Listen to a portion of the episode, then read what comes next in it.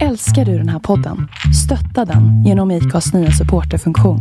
Det är helt upp till dig hur mycket du vill bidra med och det finns ingen bindningstid. Klicka på länken i poddbeskrivningen för att visa din uppskattning och stötta podden.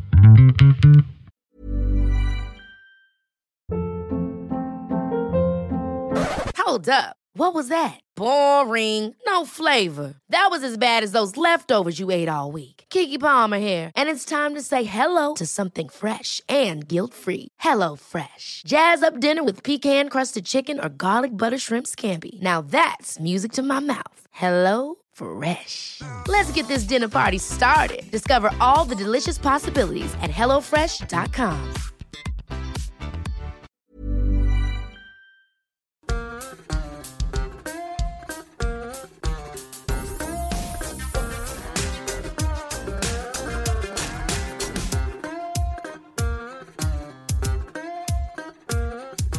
Mats Hogmark, välkommen till Vi måste prata.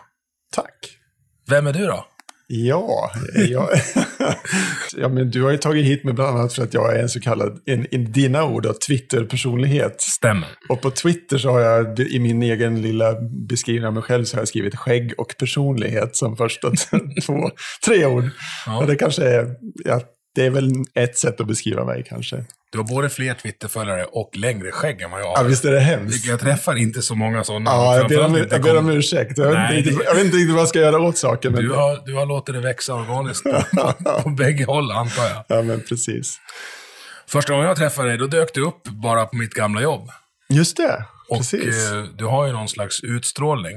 Så att jag bara, den här vill jag prata med. Ja, Så jag gick ut från mitt kontor och bara, undrar vem det här är. just det.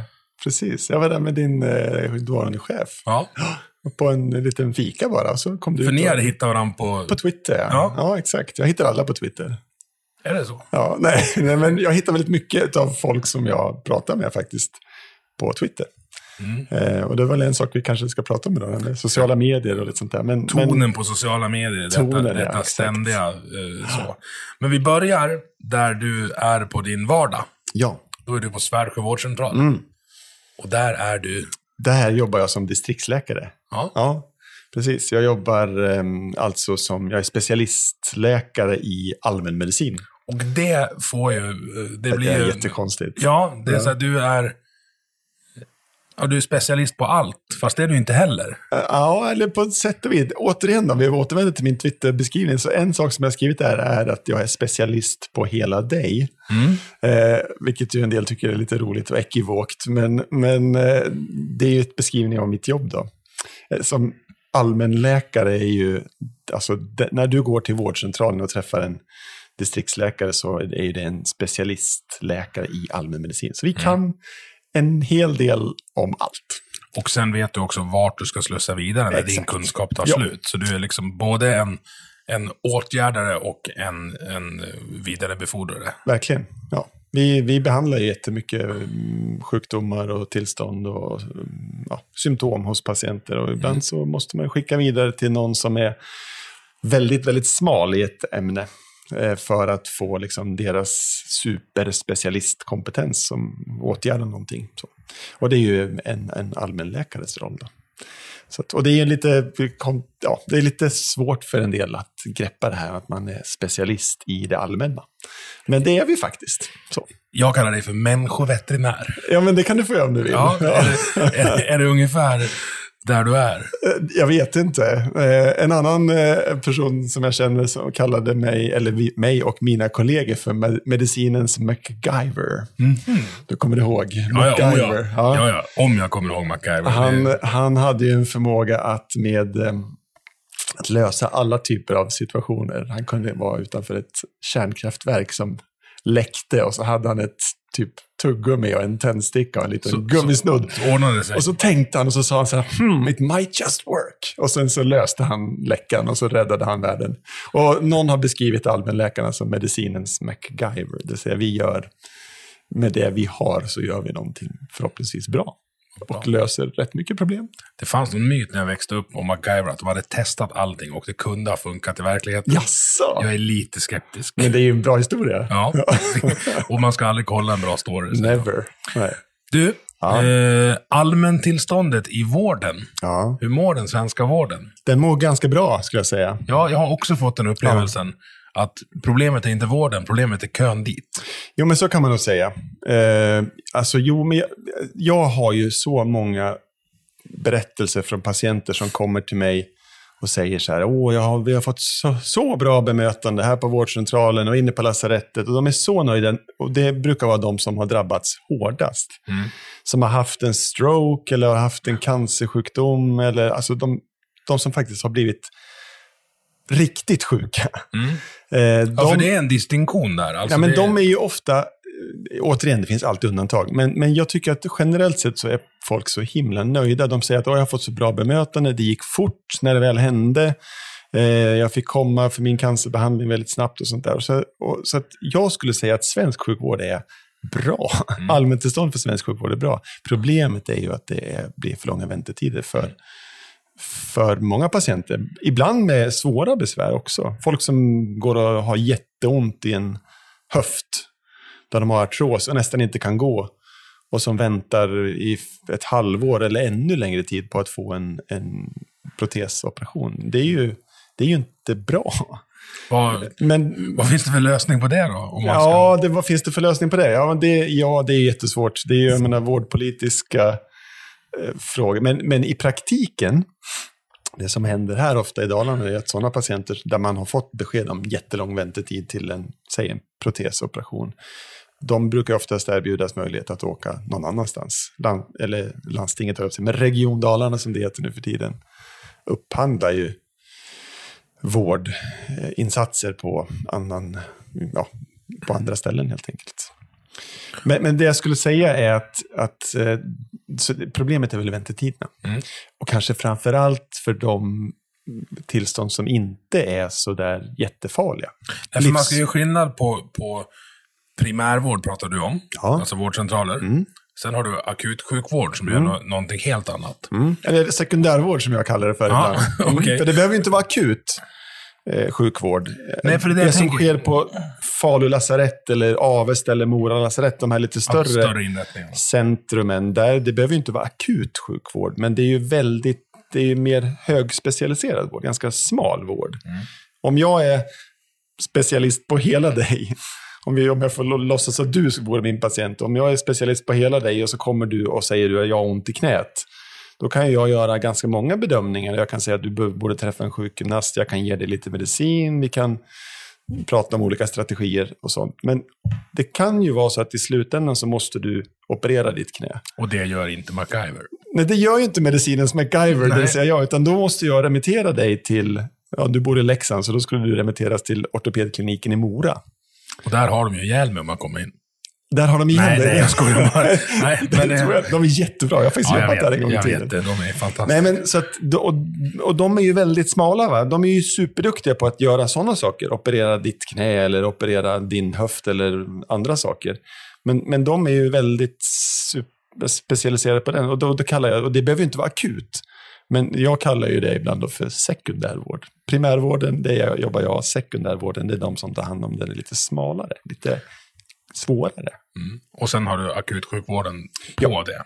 Exakt. Har ni, på har ni akutsjukvård på, ute i, i Svärdsjö? Absolut. Ja. Alla vårdcentraler har ju akuta... Alltså vi har ju varje dag så träff, kommer ju folk som akut har fått ont i halsen eller Mm. örat eller sårskada. Jag menar, jag har haft, idag har jag haft sårskador på vårdcentralen. Ibland får man sy och ibland är räcker det att bara titta till. Och ibland är det så stora sårskador så vi måste skicka in till Falu lasarett därför att det krävs större åtgärder än vad vi kan erbjuda. För jag tänker att det finns en, det finns en eh, vad ska jag säga, akut väntrumsparadox. Mm. Förstår du vad jag menar då? Att de som sitter och gnäller och väntar i akutrummet, Ja. de ska vara glad.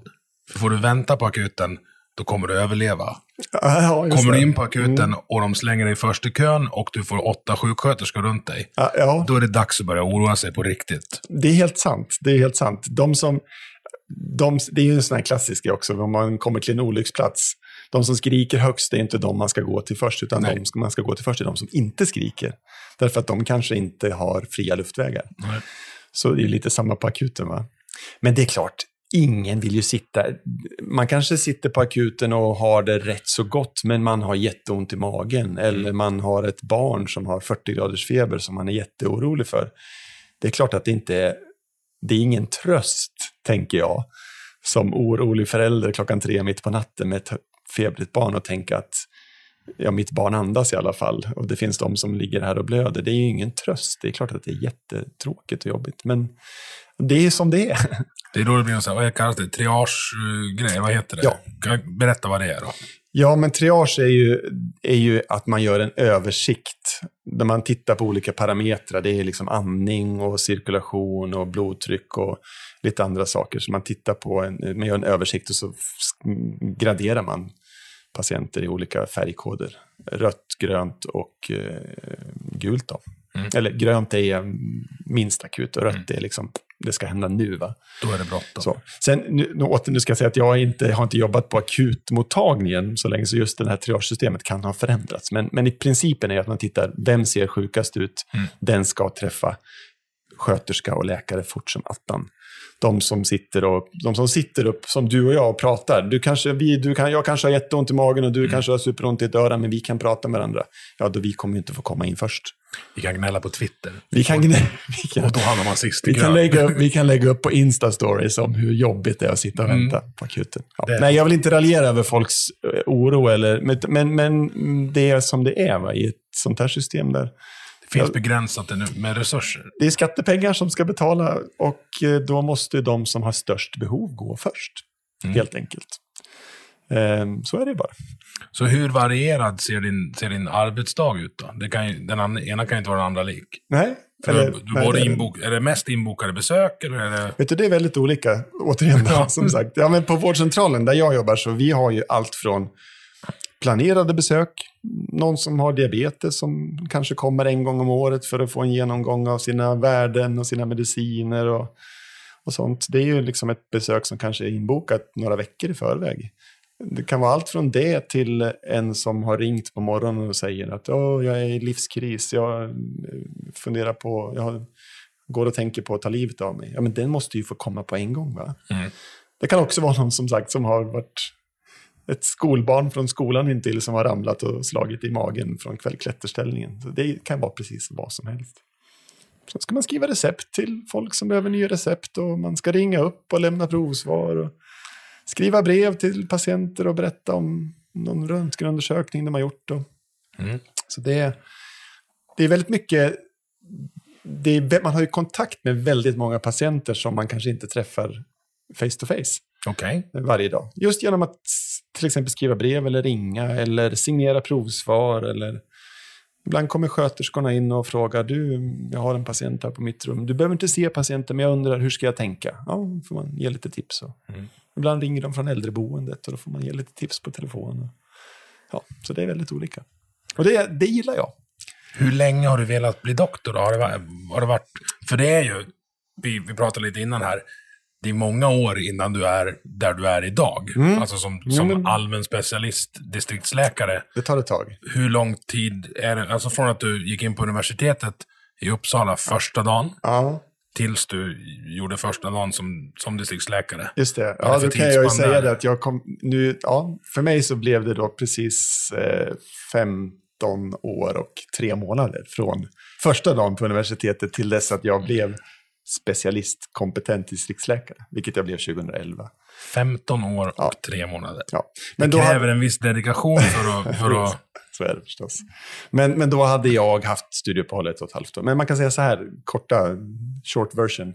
Det tar ungefär 12 år från första dagen på läkarutbildningen till färdig specialist. Oavsett vilken specialitet man väljer, 12 år. Och då, men då i, i det är ju inkluderat AT, då, allmäntjänstgöring och ja, dela upp perioden. Först är det fem år.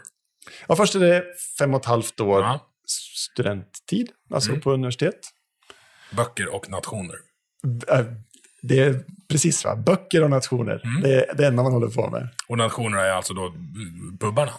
Eh, Ja, precis. Ja. Det beror på vad man pluggar. Jag pluggade i Uppsala. Ja. Där är det mycket nationer, då, mycket studentdrivna Och restauranger och pubbar. Och efterfest på taket till hus har- fyra i Flogsta. Alltid. Eller hur? Flogstavrålet. Jajamän. Ja, har du vrålat? Ja. Ja, jag med. Jag bodde, fast jag bodde bara en termin i, Flog, i Flogsta. Men... Jag bodde ingen termin i Flogsta, men jag är å andra sidan väldigt bra på att vråla. Nej, är det sant? Ja, det- hade jag aldrig kunnat tro. Nej, inte ja. jag. Det förvånar många. Fem och ett halvt år i Uppsala. Yes, precis. Och sen flyttade jag till Falun Och när du, då, är och du, gjorde AT. Då är du läkare när du går ur? Ja, men då är man eh, liksom, ja, man har läkarexamen. Ja. Ja, och eh, är ju behörig att börja jobba som underläkare. Då. Så, och då jobbar man som AT-läkare. Och det, här, nu är det så här, om, om ett, två år så kommer det som vi säger nu inte, det kommer vara obsolet. Det kommer Ja. inte gälla längre. Sorry, men det är som det är. Ja, då får Eh, vi spela in nytt Då, då. då, kör, Ja. kör vi en ny podd. Nej då, men det, principen är densamma. Nej, men man ska göra om systemet. Men AT är ju ungefär två år. Och det står för allmän tjänstgörande. Tack, Ja. allmäntjänstgöring. Och det är någonting som alla läkare i Sverige måste göra. Det är som prövoperioden efter körkortet. If you like. Ja. Ja. Den är obligatorisk. Jo, men jag, jag vet att eh, du har haft en präst här tidigare. Jag tror att prästerna har väl också någon sån här prov eller tjänstgöring innan man liksom blir färdig. Och psykologerna har ett... Alltså jag tror att ganska många yrkesgrupper med legitimation har ju någon sån här försteg innan man får sin legitimation. Så AT är ungefär två år och, och det ser ut ungefär likadant för alla. Och sen får man sin legitimation. Och när man har fått sin legitimation då kan man börja specialisera sig. Och då kan man som jag då specialisera sig till allmänläkare eller som eh, Det finns många val där. Ja, man kan bli gynekolog eller ortoped eller ögonläkare eller barnpsykiatriker eller... Och Ja. Två frågor. Varför Yes. valde du just att, att fortsätta på den allmänna linjen? Och hur upplever du att för, är det många som är, är liksom förbestämda redan i Uppsala att men jag ska bli den här sortens läkare när min AT-tjänstgöring är slut? Jag kan svara på den andra frågan först. Ja. Jag skulle nog säga, om jag tänker bara på mina närmsta vänner från den tiden så var det nog några som var sådär bestämda. Fast de flesta var det inte när de började, utan Och hur många av de som var bestämda hamnade där de trodde att de skulle hamna? Ja, men det var ju inte alla som gjorde det heller. Nej. Så att jag, jag skulle säga att det fluktuerar ganska mycket. Folk kanske har en uppfattning och sen så blir det någonting helt annat. Vad är det som gör att man väljer? Alltså det finns ju en del... Hur ska jag formulera det här då? Det finns en del intressantare delar på kroppen än andra. Eller hur? Alltså vem väljer att bli det proktolog? någon speciell-. Vem väljer att bli proktolog? Ja. Ja. det är väl en intressant eh, kroppsöppning. Jaha. Vet alla dina lyssnare vad proktolog är? Nej men det är en rumpdoktor. Rumpdoktor. Ja. Ja. Ja, men precis. Nej, men ja, precis. Proktologer är ju oftast kirurger. De Okej. blir kirurger först. Mm. Och sen när man har varit kirurg så kanske man tänker att det är jättespännande att operera tarmen. Eh, Tjocktarmen och ändtarmen och sånt. Och sen så tänker man att eh, det är jättespännande här med hemorrojder och analfissurer. Och, jag vet inte, jag ska inte bli alltför grafisk här. men, men sådana saker. Så att, jag menar, du vet, det, det som är spännande med det här yrket är att man kan liksom göra lite vad som helst. Mm. Man kan, och man kan byta bana också. Man kanske blir proktolog efter ett tag och sen så tänker man efter ett tag att ah, men nu är inte det här så kul längre så gör man någonting annat. Det blir ju en omställelseperiod naturligtvis men, men det är ett ganska spännande jobb på det viset att man kan se på allt möjligt och faktiskt folk, folk byter. Det finns de som har dubbla och trippla specialistkompetenser faktiskt. Jag märker när du pratar om det att eh, vi har lite olika syn på människokroppen. För du pratar om det som att det är något som är intressant, men jag kanske tycker att det är lite äckligt. Ja, Just, just den, den delen. just det. Eh, blir det så? Alltså blir människan en... Eller så här. Hur behåller... För jag märker på det att människan blir någonting som man kan... Som, någonting som ska lagas, eller, hur jag ska beskriva det. Hur behåller man konceptet om att det fortfarande är ett människovärde? Liksom? Ja, precis. Jag, ja, men, och vet du, det tror jag är ganska olika. Jag tror att för en del, är det lätt, en del läkare är det lättare att komma ihåg den där aspekten, helheten. Mm. Den där ändtarmsöppningen, om vi återvänder till proktologin, sitter på en människa som har tankar och önskningar och drömmar och problem som inte bara sitter i ändtarmsöppningen. Så det kan ibland kanske vara svårt att komma ihåg, vad vet jag. Men Är det en del- lättare för en kirurg då, alltså, som kommer in och gör, gör ett jobb, alltså där människan liksom ligger Ja, men alltså, jag tänker lite grann är ju det här, när vi pratar om primärvård och sekundärvård, Mm. så är ju faktiskt, jag menar jag kan tycka att primärvården där jag jobbar, vår roll är ju att se mycket mer till helheten. Den är mer personlig. Jag kanske har en patient som kommer och säger jag har besvär ifrån rumpan. Det är en av alla saker de tar upp med mig. Och så kanske de också säger, sen har jag lite svårt att somna för jag är, det är så mycket som händer i mitt liv, jag är lite orolig. Och sen är jag dessutom är det så att jag skulle behöva ett intyg för eh, högre behörighet på körkort. För jag har Transportstyrelsen hört av sig, för jag har lastbilskort. Ja. Det är många saker va? Men Och de kan ha med varandra att göra. Och de kan, Ja, de ibland kan de ha med varandra att göra, ibland är de helt frikopplade. Men det de, har, det de har alltid har med varandra att göra är att de sitter ju på samma människa. Och Och då måste, är de nog sällan frikopplade, tänker jag. Nej, men, och det måste ju jag i mitt jobb verkligen ha koll på. Därför att de kommer ju inte till mig med en sak, eller som bara en, ett ont knä, eller bara en ond hals, eller bara en orolig själ. Utan de, det är så mycket. va. Medan, säg återigen, då, vi återvänder till den här kirurgen som ska titta på de här hemorrojderna. Hon eller han kanske inte måste vara jätteintresserade av helheten. Mm. De kanske inte bryr sig om det där körkortsintyget eller att patienten har svårt att sova på natten. Och jag tycker att de kanske inte måste göra det heller. Nej, de, de blir specialister som ska fixa De blir det. smala specialister, Ja, va? sekundärvården som måste göra... Och de, tanken är att de ska göra sin grej. Och sen ska patienten tillbaka till mig. Mm. Så att jag kan vara specialist på hela den. Så. Ehm, och, men sen är det, jag, menar, jag kan ju tycka att alla läkare oavsett var man befinner sig i vårdkedjan borde vara, ta ett intresse i helheten så gott det går. Men man behöver inte ta ansvar för helheten. Om du är på ortopeden i Mora igen med ditt onda knä och dessutom säger att jag har ju så ont i magen så är det väl bra om den ortopeden säger åh men det låter jobbigt Emil, hur blir det för dig? Men sen kanske den ortopeden säger vet du det där kan jag inte hjälpa dig med tyvärr men prata gärna med din allmänläkare om det. Men de kan ju lyssna på dig. Men de ska ju inte fixa din mage. Det är inte deras jobb. Så, så det, ja, så tänker jag. Som man ser på, du, du verkar ju trivas med både ditt jobb och dig själv. Du sitter här och ler hela tiden. Eh, Jag gillar det, att prata om mitt jobb. finns det någon gång du inte gillar att prata om ditt jobb? Jag tänker, som, som läkare på, på en fest så, Ja. så kommer det någon och, och bara här, ska visa sitt onda knä. Ja, ja. Fast du är ledig. Mm, absolut. Finns det någon så här tillfälle så här, jag är mjölkbonde? Mm, ja, just det. Eh, eh, precis. Att du, ju- att du undviker att ta Jag ska upp svara på den frågan och sen ska jag svara på varför jag valde mitt jobb. För det Ja. har jag fortfarande inte svarat på. Jo, nej, men så är det förstås ibland att, att folk frågar så, ja, men du som är doktor, hur tänker du om det här? Men, men folk är ju liksom, det är ju ingen som drar ner, jag menar den här klassiska solsidan när den delen, är inte solsidan, när när han ska vi- drar ner brallorna och ska visa sina hemorrojder för en Ja. proktolog. Va? Det har ju jag aldrig varit med om. Eller att, det kom, att någon eh, börjar prata om sina vaginala illaluktande flytningar. Det, folk gör ju inte det. De är, ju- har ju folkvett liksom. Men däremot så händer det att folk säger du jag har en, jag har en fundering som är lite pinsam att ta upp. Men är det okej om jag frågar dig? Och då säger jag nästan alltid ja. Mm. Och så kanske man går lite vid sidan av och så berättar de om vad de är oroliga för. Om, om sig själva eller om någon familjemedlem eller sånt där. Och då försöker jag svara så gott jag kan. Och sen, men jag menar, jag, be, jag behandlar ju aldrig mina vänner eller min Nej, men vi stannar på familj. det så gott, Ja. så gott du kan. Alltså hur... Allmän specialist. Ja. Alltså så gott du kan är ganska mycket. Ja, ja, ja. Jo, jo, men jo, absolut. Jag kan ju, jag har ju som ändå hyfsad koll på det mesta. Eller jag borde ha det i alla fall.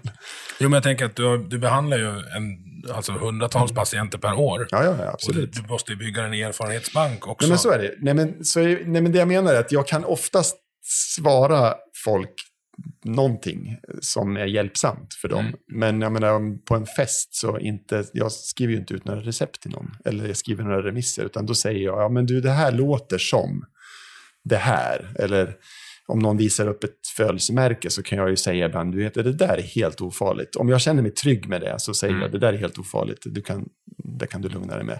Men om jag blir det minsta tveksam, säger jag vet du, det där, om du kom till, då brukar jag säga, om du skulle ha kommit till mig som patient på min mottagning, då skulle jag nog ha gjort så att jag har tagit ett prov på den där hudförändringen och skickat en. Så jag tycker att du borde boka en tid hos din vårdcentral. Så säger jag. Och Det är sen, kul att få, få den på en fest. Liksom. Ja, men om folk frågar Ja, ja, ja. och har bett mig om och då säger jag det, då så. Och, Jag upplever, vi, vi, inte jätteofta, men ibland så ställer folk frågor fast de inte vill ha svar. Ja, absolut. Och då kan man, så, men det är väl man får ha lite sån fingerspitzengefühl Mm. för att se vad är det de vill ha egentligen. Och om man är tveksam så fråga, vad, vad, vill du? vad vill du ha för din råd utav mig? Mm. Eh, Hur ofta får du skit för vården då? på, eh, privat, Ja. på fester. Att folk kommer fram och säger, jaha, jobbar du som läkare? Herregud, jag har haft så dåliga läkare. Nej, men så här, hur, vad händer med svensk sjukvård? Alltså, ja, det, nej, det är inte så ofta.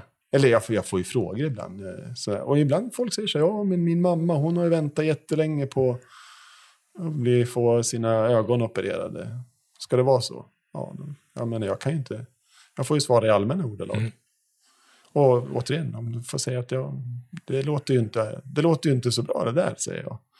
Jag tycker att ni ska kontakta er ögonklinik och fråga när hon får komma. Jag menar, jag, jag kan inte ta ansvar för hela svensk sjukvård. Jag kan ta ans- ansvar för det vi gör på Vilket kommer till nästa punkt. vårdcentral och vad jag gör som individ. Men jag kan ju, och jag vill inte försvara det som inte funkar. Nej, vi kommer till nästa punkt här.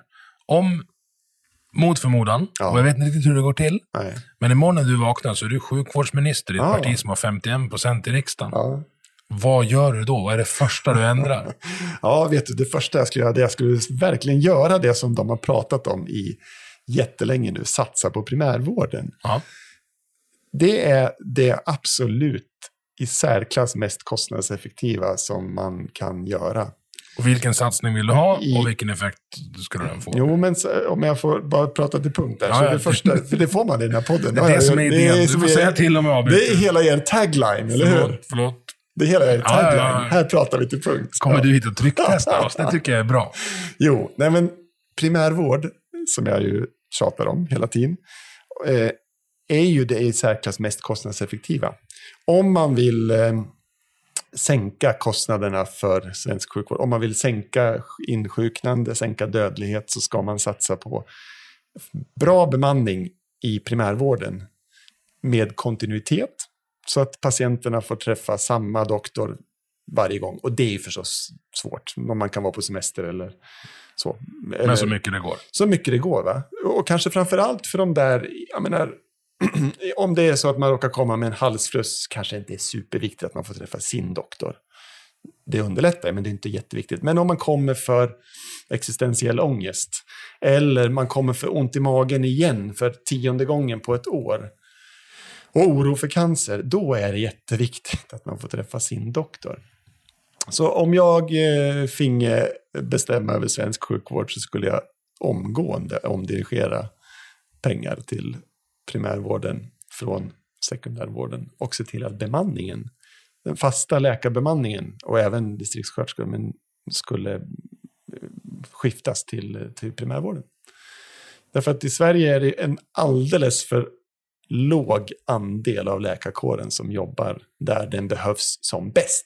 Mm. Och då får du gissa, var tror du att den behövs som bäst? I Svärdsjö? Nej, nej i, i primärvården. Ja, bra Emil! Nej men så är det va. Eh, det är alldeles för få, nu jag kan inte exakta siffror, men, men i vissa EU-länder som Portugal och Frankrike så jobbar 45 till kanske 48 procent av alla läkare jobbar i primärvården. Och fördelen då är det att man upptäcker grejer i tid innan det hinner gå för långt. Ja, och den här kontinuiteten. Du får gissa hur stor andel tror du den är i Sverige? Återigen, med reservation för att jag inte har de färskaste siffrorna. Och med reservation för att jag har ingen jävla aning. Nej, nej, men- 20 procent Nej, då. men ungefär 16 procent är vad jag har hört. Vad gör de andra då? Nej, men de jobbar på lasarett. Ja. De jobbar i sekundärvården och gör ett jättebra jobb där. Det är verkligen inte det det handlar Men handlar det om att, omring- att, att förflytta dem eller handlar det om att fylla på med mer där ute? Ja, men jag skulle, och jag vet att det här är kontroversiellt, men jag skulle ju tycka att man borde flytta folk från, eh, det är kanske tur att inte jag är sjukvårdsminister, tycker säkert många av mina kollegor, men, men jag tycker att man borde flytta folk, läkare, från sekundärvården till primärvården. Därför att om vi hade fler folk som jobbade i primärvården så skulle, återigen som jag sagt, det är det mest kostnadseffektiva. Ganska liten insats kan spara enormt mycket pengar. Sjukhusinläggningar av svårt sjuka patienter, förebyggande arbete, massor med sådana saker. Det skulle sannolikt, om, om den här forskningen som finns kring det här stämmer, och det, det tycks den göra, minska behovet av sekundärvård. Så varför gör in, görs inte det här innan du blir sjukvårdsminister då? You tell me. Nej, jag har ingen aning. Nej. Det, det, Ja. Nej, men det pågår ju en jättefin satsning nu. Anna Nergård är ju, jag vet inte om du har hört hennes namn, eh, också på Twitter för övrigt. kanske borde komma hit och prata lite. Ja, om du finge eh, skriver ha henne som, på- på- Anna Nergård som gäst så vore det fint. Eh, Hon är med och pratar överallt. Nej, men hon är jättebra. Hon är ju regeringens särskilda utredare för, för god och nära vård, Mm. som det heter. Eh, och hon är ju helt inne på det här. Men det gäller ju bara att det faktiskt tillsätts pengar också. Att Mm. Och det när- fattas politiska beslut så att det här kan bli sanning. Jag, är lite, jag gillar ju frihet och sånt, så att det här med, med att... Jag Jag tror inte du kommer kunna tvångsflytta Det läkare. tror inte jag. Utan det man får göra är, ju, är att du får ju öka lönerna på, på vårdcentralerna. Ja, nej men vet du, jag är också, I'm pro-freedom. Det är jag verkligen. Eh, jag tror att människor kan och vill massa saker och gör bra för sig själva och gör genom det också bra för andra. Jag, tror att, jag tror att tvång är sådär halvbra. Men jag tror också det, höj, fixa bättre incitament. Och jag tror inte att det bara handlar om lön, som du sa. Det är klart att det är viktigt, men, men om du skulle höja distriktsläkarlönerna med det dubbla så, ja, det är klart att du skulle få ut fler folk det, skulle, det dubbla är inte rimligt, det, det är faktiskt inte rimligt. Men med mycket, om du skulle höja med mycket, du skulle få ut mer folk, säkert. Men jag tror inte att det är det som är det viktigaste. Det viktigaste är att man har eh, vettiga arbetsuppgifter. och Men någon slags ett, incitamentstruktur för att... För att yes, ett avgränsat uppdrag, eh, bra arbetsmiljö, eh, bra chefer som ger möjlighet till fortbildning och att man gillar trivs på jobbet. Liksom. Ett återkommande eh, talepunkt när man, när man lyssnar in sig på, på sjukvården är, du pratade om Portugal och Frankrike. Ja. Man jämför ofta antal patientkontakter som en svensk läkare har. Kontra en tysk. Ja, svensk och tysk. Ja, det, det är riktigt. Det Och- hör man ofta. Och de skiljer sig avsevärt. Ja. Alltså, en, en tysk läkare träffar fler patienter per vecka, eller ett valfri tidsenhet. Just. Vad beror det på? Har du, du som svensk, har du för mycket administration runt omkring? Som, eller vad, vad tror du det beror på? Ja, men vet du, det, det återvänder till, du frågade mig tidigare, hur ser en typisk arbetsdag ut? Och då berättade jag för dig att jag träffar en hel del patienter, jag ringer massa patienter, jag skriver brev till patienter, jag signerar provsvar, jag pratar med sköterskorna om patienter. Jag är involverad i jättemånga enskilda patienter. Om, efter en sån dag, om du skulle gå in och titta i min, i min dator, i journalen, på loggen, hur många patientjournaler jag har varit inne i, så är det jättemånga. Men det är inte säkert att jag har träffat mer än några stycken utav dem fysiskt. Eh, Men du så har, att- du har liksom vidrört deras case? Och, Ja, och i Sverige, i svensk primärvård generellt sett så jobbar vi ju rätt mycket med, alltså jag träffar ofta mina patienter en lite längre tid och tillåter dem att ta upp flera saker. Mm. De får prata både om eh, om det onda, Rum- rumpan det och onda i rumpan, att de inte kan sova och att de behöver ett nytt körkortsintyg. Medan i många andra länder, och ibland på vissa ställen i Sverige, då får de ta en sak i taget. Jaha, nu har du tio minuter. Vad är ditt, du vill prata om rumpan. Då är det bara rumpan. Och så säger de, dessutom har jag svårt att sova. Nej, det får du inte ta nu. Det bokar vi en ny tid nästa vecka. känns inte jätteeffektivt. Nej, men det är, också, det är ett annat sätt att jobba på. Men, men, eh, men det gör ju också att det blir fler korta besök. Ergo, man hinner fler besök på en dag. Men det är inte säkert att man gör så himla mycket större nytta som helhet. Man träffar fler patienter men, fysiskt, men man gör ju ganska lite med varje patient. Så att vi jobbar på olika sätt, eh, helt enkelt. Jag, jag vill bara avsluta med den internationella utblicken. Kör. Med Portugal och Frankrike. Jag säger inte att vi ska ha 50% eller 48% av, av eh, läkarkåren i primärvård. Det kanske inte är optimalt, det tror jag inte. Men vi ska kunna tweaka upp den lite från 16 16% känns bra klent alltså. och se vad som händer. Får man en ökning med bara, med bara 4 procentenheter Ja. då, är Säg att du får 25 ut- procent ökning. Säg att du får ut 20 eller 25 procent av läkarkåren i, i primärvården. Jag tror att det skulle vara super ehm, bra. Det skulle spara pengar och eh, det skulle öka, det här som folk pratar om, dålig tillgänglighet. Det skulle vara väldigt, väldigt bra, tror jag. Då ska vi, Tänker eh, du göra mig till sjukvårdsminister imorgon eller?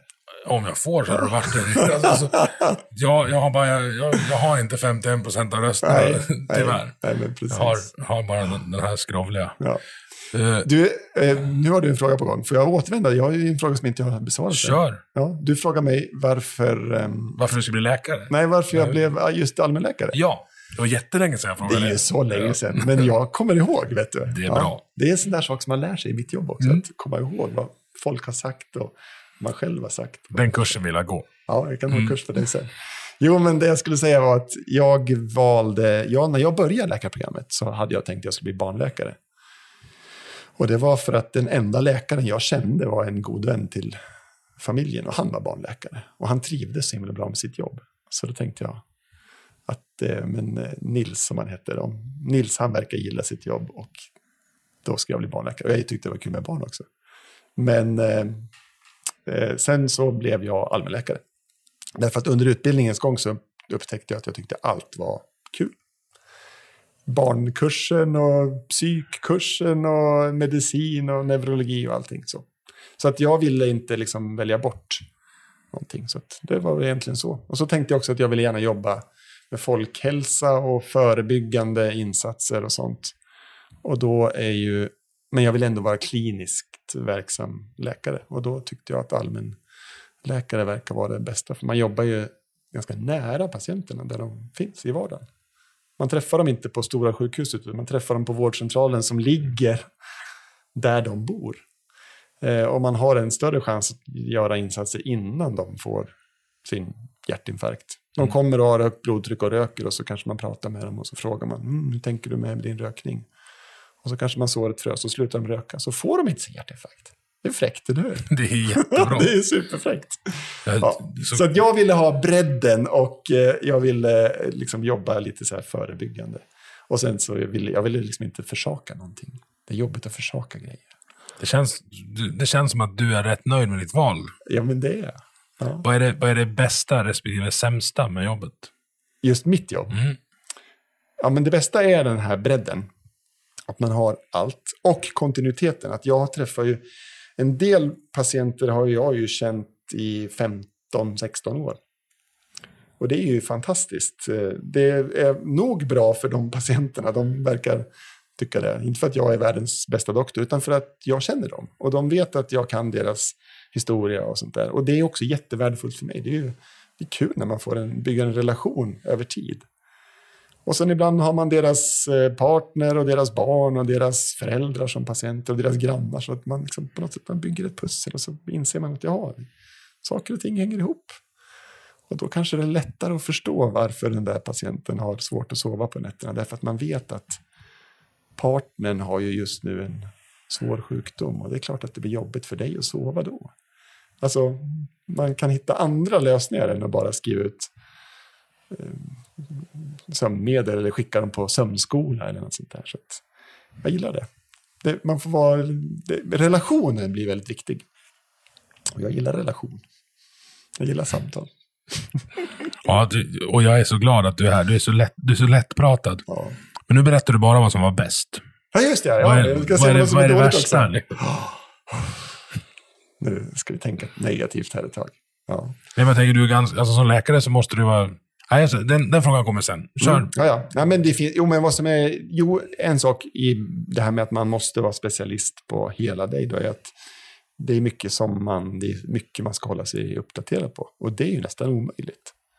Så man får liksom, eh, det är jobbigt. Man känner, eller man, jag känner ju hela tiden att jag borde kunna det här ännu lite bättre. Eh, och det tror jag alla i min bransch lider av. Att man, att man känner att det finns så mycket ny kunskap och så mycket utveckling som det är svårt att hänga med i fullt ut. Så, och så, så det gäller att hitta en ac- acceptans för det och tänka att, man, att det jag kan är tillräckligt. Och sen så man får inte liksom stagnera naturligtvis. Man måste ju hela tiden fortbilda. Men det kan ju vara lite jobbigt. Så.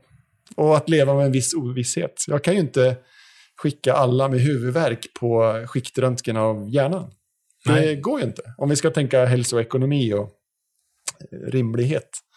Om jag har hundra patienter som har ont i huvudet så, och några av dem är oroliga för hjärntumör så vet jag ju att om jag skickar alla hundra på skiktröntgen så kommer kanske en av dem att ha en hjärntumör. Mm. Och det är ju jätteviktigt att hitta den hjärntumören. Men de där 99 som inte hade någonting, utan där det bara var, ja inte så bara, men det var spänningshuvudvärk eller migrän eller eh, att de hade för svaga glasögon Mm. eller stress. va? De har ju dels är det ju svindyrt att skicka 99 personer i onödan på en sån röntgenundersökning. Och dessutom har de ju utsatt för onödig strålning med den risken. Så här. Det vill säga att jag vet ju att om jag jobbar i 30 år i min bransch så någon gång kommer jag ju att missa Mm. någon som har en allvarlig sjukdom. Och det är ju inte så kul. Och det får man också lära sig att leva med, den osäkerheten. Hur, nä, hur nära, vad det skulle komma till, hur nära döden är du i, i jobbet? Ja, men eh, ganska nära faktiskt. Det är ju sällan någon dör på vårdcentralen, Mm. som tur är. Det är ju väldigt ovanligt. Men nu jobbar jag ute på landet, så visst har vi folk som kommer in med pågående hjärtinfarkter. Och, Men du kan ha patienter som, som du vet att det är kanske är någon vecka kvar här. ja, absolut. Och ibland hittar man ju cancersjukdomar eh, sjukdomar hos patienter där man vet att det här är kört. Den här patienten kommer att få komma in till lasarettet och få operation och cellgift, och, men det kommer inte gå. Mm. Så, att, eh, så är det naturligtvis. Och, sen, och det kan ju vara både ganska unga och i övrigt friska patienter. Det kan också vara gamla patienter som i övrigt är friska. Och sen träffar man ju förstås folk som på något sätt har levt livet färdigt Mm. och dör. Så jag, jag, jag, ibland är man ute och konstaterar dödsfall och sånt där i hemmet eller på äldreboenden och sånt där. Och det kan ju vara ganska odramatiskt. Om det är någon som ligger och är 92 år och har varit svårt sjuk på sista, så ibland är ju anhöriga liksom nästan lättade att, att äntligen fick mamma somna in här lite lugnare. Mamma har inte ont längre. Liksom. Ja, men lite så va. Och då, då är ju det, det är inte så dramatiskt. Men ibland så kan det vara samma situation. Och folk tänker också att vad skönt, mamma har inte ont längre. Och ändå är de jätteledsna, därför att det blir så definitivt. Och de kan få dåligt samvete för att de känner så. Ja, så, det, så kan det vara. Va? Alltså, då kommer jag där och tänker att ja, men det här blir enkelt. Nu ska man bara konstatera dödsfallet och prata lite och förklara vad som händer härnäst. Och så är anhöriga kanske jätteledsna och har massor med frågor. Och liksom, tror du att hon led på slutet? Och, ja, man försöker för, ja, besvara det och sånt där. Och, och det är ju jätte... Så, så döden är ju inte ständigt, men ofta närvarande. Och för en del är det ganska jobbigt. En del yrkespersoner så det, kan nog det vara ganska jobbigt. Är det för, hur är det för dig då? Nej, jag tycker inte det. Eh, faktiskt. Det låter inte, jag vill inte låta känslokall för det jag verkligen inte. Men, men för det mesta går ju det bra. Det är en del av jobbet. Liksom. Men det är klart att jag har varit hos patienter som har, ligger för döden eller folk som har dött eller folk som jag menar, bara på mottagning som är svårt sjuka eller får ett jobbigt besked. Där jag liksom känner att jag blir tårögd och verkligen eh, känslomässigt engagerad. Och det tycker jag är okej. Ja, det behöver inte vara något negativt. Eller, det- men- jag skulle snarare se det som positivt. Jag tror Nästan ibland värre om det är tvärtom. Ja, men ibland tror jag. Men jag har ju, visst har det liksom tårats i mina ögon ibland när jag pratat med någon som jag verkligen har det tufft framför mig. Och jag ser att de ser det och jag kan ana att de uppskattar det. Men, och jag tycker att det är okej. Mm. Däremot tycker jag att man får vara lite varsam så att inte jag bryter ihop Ja, det vore ju och gråter. Och så att deras sorg plötsligt blir min sorg. Därför att jag är, jag är, och jag vet att folk tänker lite olika, jag är väldigt mån om att det inte handlar om mig. När patienterna säger att jag har det så himla jobbigt eller det här är så himla tufft för mig. Så jag gör aldrig så att jag säger, vet du, jag vet precis hur du menar, för jag har haft samma besvär själv. Även om jag skulle ha haft det. Mm. Så, Ja, men då, då, precis, då flyttar du fokus till dig och det är inte... det ska inte handla Nej. om mig. Du har ju liksom det ultimata tjänsteyrket, eller ska Ja, säga. Utan du, då får jag bara säga, det låter jättejobbigt. Mm. Det måste vara väldigt tufft att ha så ont som du har. Eller om någon som har brutit benet och som inte kan springa. Så jag, jag tar det som exempel därför att jag gjorde det själv för några år sedan. Jag, jag bröt benet, jag var uppe i Sälen och sprang på en isig grusväg. Och, och Om, men det är ju ingenting som säger att mitt benbrott och hur det blev för mig, jag älskar att springa nämligen. Det var jättetråkigt att inte kunna springa på Mm. tre månader. Men det är ju ingenting som säger att min erfarenhet av det har någonting med ditt benbrott och din oförmåga att springa att göra. Så jag kan ju säga, eh, Emil, vad jobbigt att att vara i den här situationen. Nu kan du inte springa och det känns ju för dig jättetråkigt. Du älskar att springa. Så- då är det ju liksom lite lockande för mig att säga, vet du, jag har varit med om precis samma sak själv och det löste sig till slut. Du ska se att det ordnar sig. Så jag säger inte så, för att då blir det att handla om mig. Mm. And I don't like it. Nu blir jag filosofisk, jag fortsätter bara så här. Go ahead. När man stämplar ut då, alltså Mm. efter döden. Du, du har funderat på döden rätt mycket då? Ja, ja, ja, okej. Nej, du menar inte när jag stämplar ut på flexklockan? Nej, utan när, vi, när, när man är klar. Ja. Vad, vad, vad, vad tror du händer på andra sidan? Ja, du har ju redan haft en präst. Ja, jag vet det. Ja. Och jag, jag pratar knappt någonting om det. Men Nej. Ja, nej, jag vet inte. Det, kroppen förmultnar ju. Mm. Så är det ju bara. Så. jag hoppas att det finns något på andra sidan. Det Men jag, man jag har så hoppas, va? svårt att tro. Ja. Men just i... Nu ska jag göra sådär som du inte gör. Ja. Jag har varit väldigt nära en gång i en trafikolycka. Ja. Eh, och då... De uppskattade att vi voltade ungefär 12 varv i en Saab 900 som kanske Åh, inte har världens bästa krockbur, en bit över 100 km i timmen. Mm. Och jag kommer ihåg vad jag tänkte i luften. Mm. Att jag tänkte att jag vart liksom lugn. När kroppen väl eh, insåg att ja, men det är förmodligen kört. Det är dags nu. Det är dags nu. Mm. Då, min tolkning är att då släppte den lös alla endorfiner och allt adrenalin Mm. som fanns. Och bara, jag bara accepterade. Jag vart lugn och så så här, jaha, ja, är en bit över 30. Det, jag trodde inte att det skulle sluta så här. Mm. Men det ska bli kul att se vad som finns på andra sidan. Men jag vart i alla fall lugn. Ja. Och jag tror att det har gjort att jag är inte så rädd Nej. för döden längre. För jag vet att den kommer. Ja. Jag har liksom, jag har nästan touchat den. Ja. Och det, var, det, var, det gjorde inte ont och det var inte farligt. Jag tror att kroppen är, är byggd. Kroppen vet ju om att det, det, är, det. är slutet. Just det. Precis. Det var verkligen en, en vad man säger, nära döden-upplevelse. Ja, men det var i bokst- bokstavligt talat. bokstavligt talat. Och du reagerade på ett sätt som du kanske inte var beredd på. Det vill säga, du reagerade med lugn. Ja. och eh, någon slags acceptans.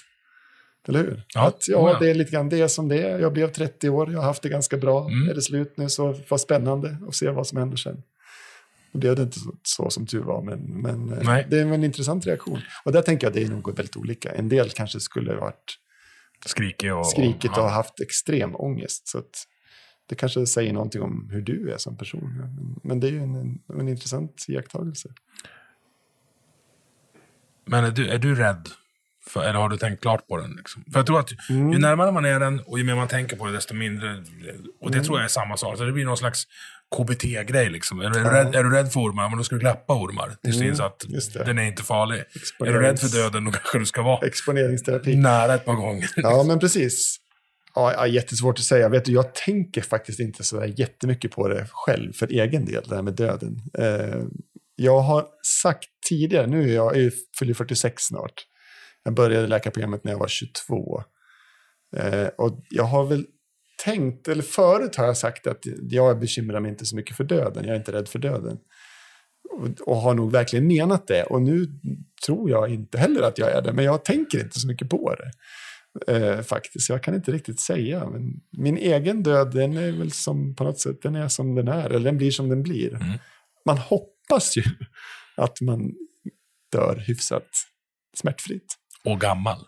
Ja, gärna. Jag vill gärna bli gammal Ja. och jag vill gärna inte bli gammal och sjuk. Nej. Där säger ju alla, det är ju så många av mina patienter som säger det. Man vill inte bli gammal och sjuk. Och, eh, så. så det hoppas jag också att jag slipper. Då. Jag vill gärna bli gammal. Min farmor blev 91 och dog lugnt och fridfullt i sömnen efter att hon hade gått en, en, en liten promenad. Det tänker jag, vilket härligt sätt att... Jag brukar tänka Det på vår generation, för nu betraktar jag dig och mig som i, i ungefär samma Det generation. får man säga. Ja. Vi kommer ju vara de... Alltså fattar du hur fräna vi kommer vara på ålderdomshemmet? Vi kommer vara fräna, ja. Xbox, Twitter, vad, vad det nu är. Med våra Alltså, tatueringar. Ja, precis. Så jävla rynka som man ser inte vad... vad jaha, har du... Vad det där Är det en skalbagge? Bara, nej, det är någon annanstans. De ska liksom. Exakt. Ja, nej men verkligen, vi får se, man får se hur det blir. Men, men jag är personligen inte rädd för döden. Jag tänker inte på min egen död. Jag menar, en del känner ju dödsångest. Det måste vara fruktansvärt Mm.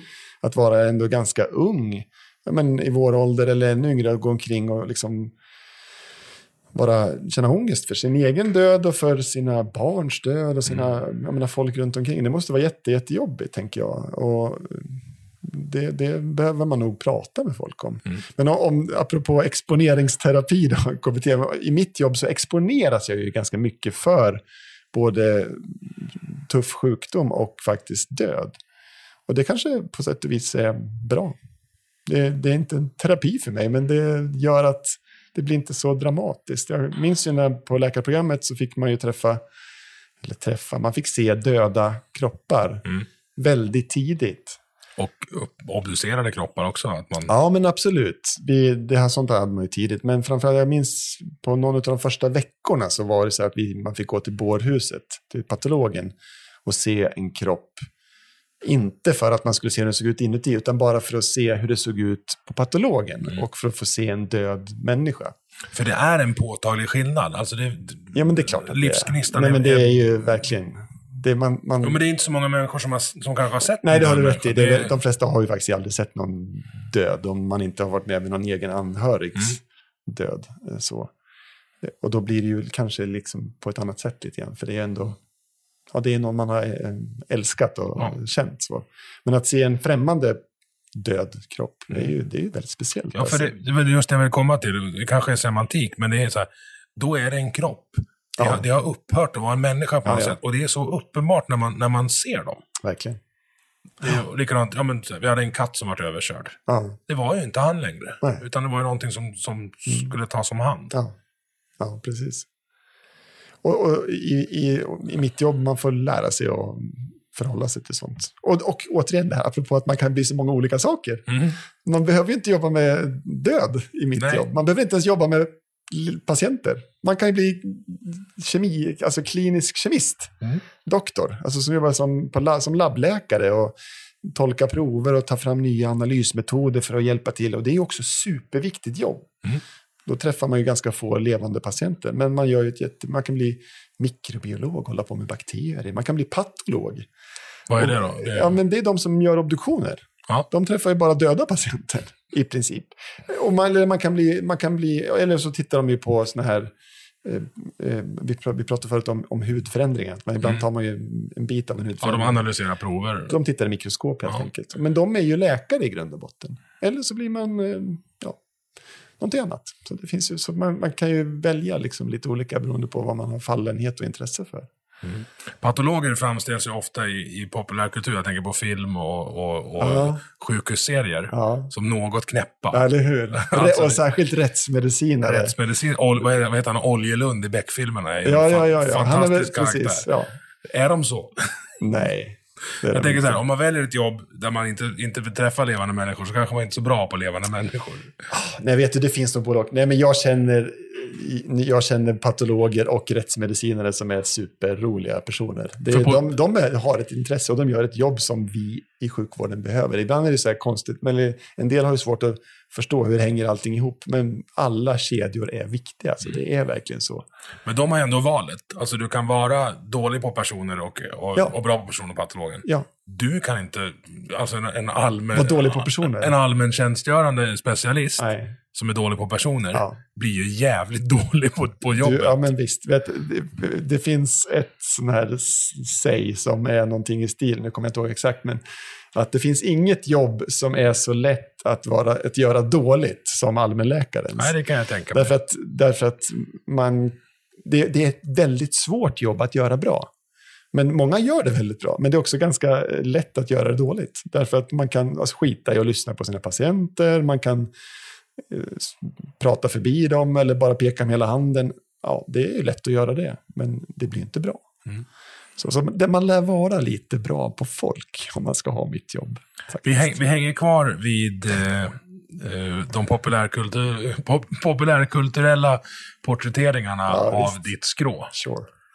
Eh, vad har vi? Scrubs, Och vi, Ah, vi, jättekul. titt, du tycker om att titta på Ja, det? ja, jag har inte sett det på länge, men jag såg det när det gick på tv. Det är Ja. ju jätte, och det är ju kanske, det kanske är mest för karaktärerna och inte att de är i en sjukhusmiljö. Det är Ja, så. fast vet du, det är, finns en igenkänning också. Men det är ju jätte, de är ju jätte, vad heter han, ja men huvudpersonen är ju superrolig. Ja, Bambi. Ja.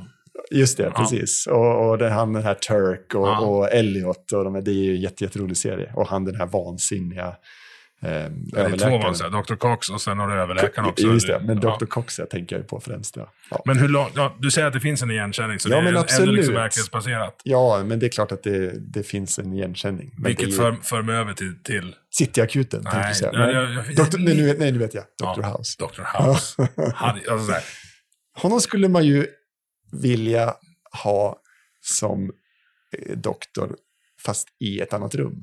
Ja. Om man har en svår sjukdom så skulle man vilja ha Dr. House som den doktorn som de Som snälla, analys- ana- trevliga doktorerna Ja, går precis, till precis. och frågar. Vi har hittat det här. Vad tänker du om det? Men man skulle inte vilja träffa honom. Nej, Han det är ju en gris. fantastiskt. Jag har ingenting emot grisar, men han är ju, han är ju inte trevlig. Nej.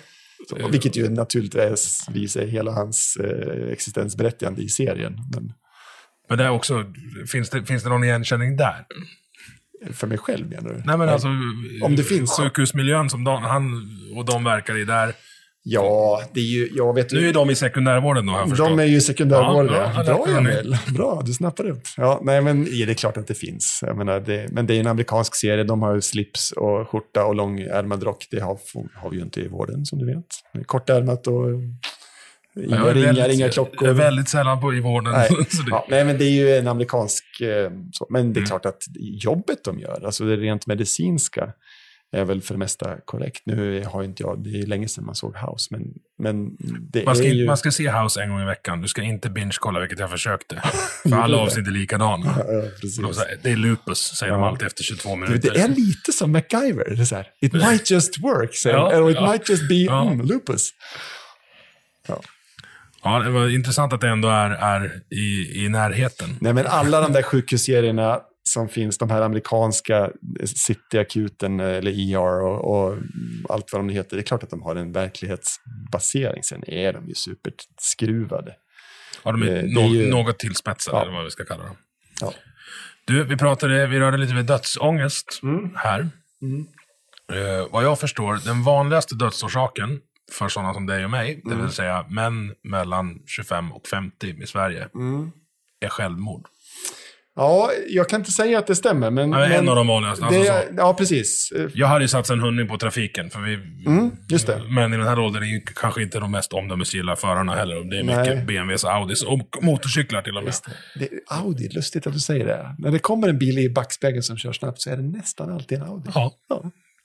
det, det, mm. Hur kan det vara så? Ja, ja, ja. Ja, ja, förlåt. Mm. Nej, men jag håller, jag, jag håller med. Det är någonting med...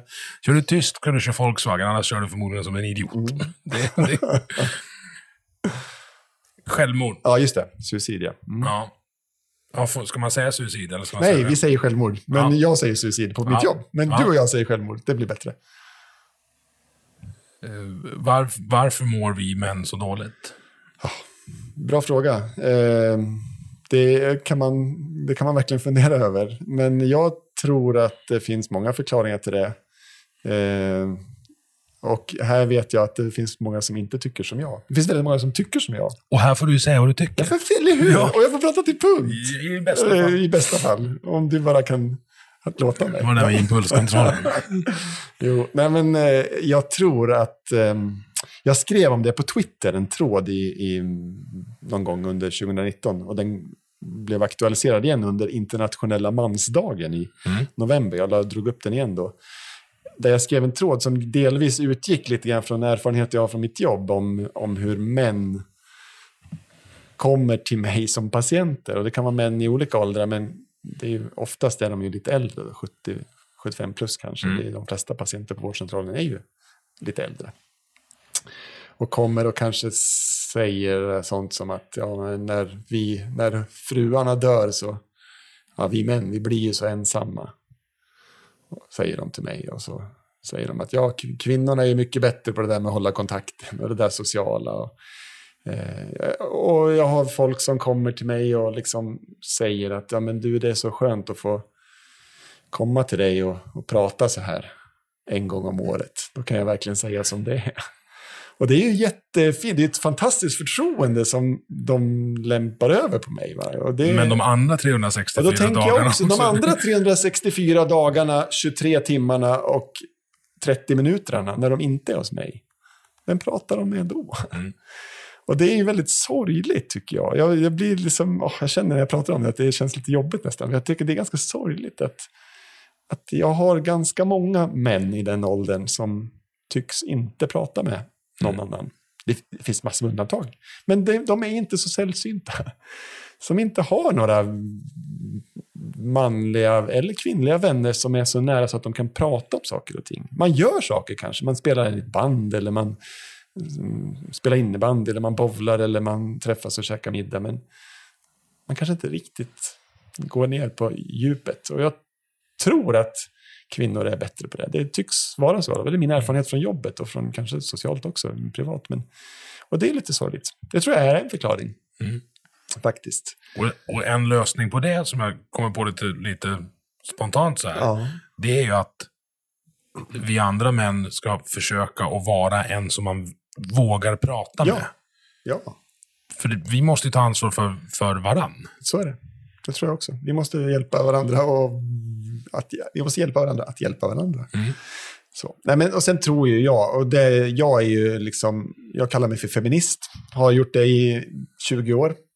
Eh, och är ganska övertygad i det. Och sen kan man lägga olika värderingar i vad en feminist är, det finns det vet jag ju. Det, Det ska vi göra. det kan vi göra. ja. Men, men jag, jag kallar mig feminist och jag tycker att det är intressant den här analysen av hur pojkar respektive flickor eh, behandlas, vad som förväntas av olika, de olika två, om man nu tänker att det finns två binära kön, men det, man kan ju, det kan man också argumentera för att det finns ju folk som, som inte anser sig tillhöra det ena eller det andra, och så kan det också vara naturligtvis. Men när man utgår från, från pojke och flicka som biologiska kön, så är det ju väldigt mycket förväntningar man har. Mm. Och det ser ju jag, jag har ju också BVC, alltså barnavårdscentralsmottagning på vårdcentralen. Det ingår i mitt jobb. Jättekul. Ja, Då fick jag vara lite barnläkare i alla fall. Ja. Ja, eller hur?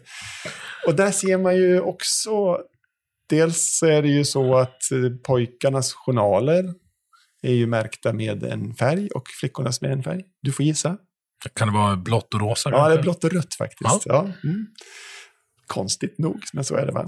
Nej, men man har olika, det, tillväxtkurvorna på pojkar är ritade med blått streck och tillväxtkurvorna på flickor är ritade med rött streck. Och det är för att det, det finns, alltså pojkar är oftast större än flickor På gruppnivå. på gruppnivå. Ja. Ja. Så därför så finns det två olika eh, kurvor. Mm. Så, eller olika ja, grund...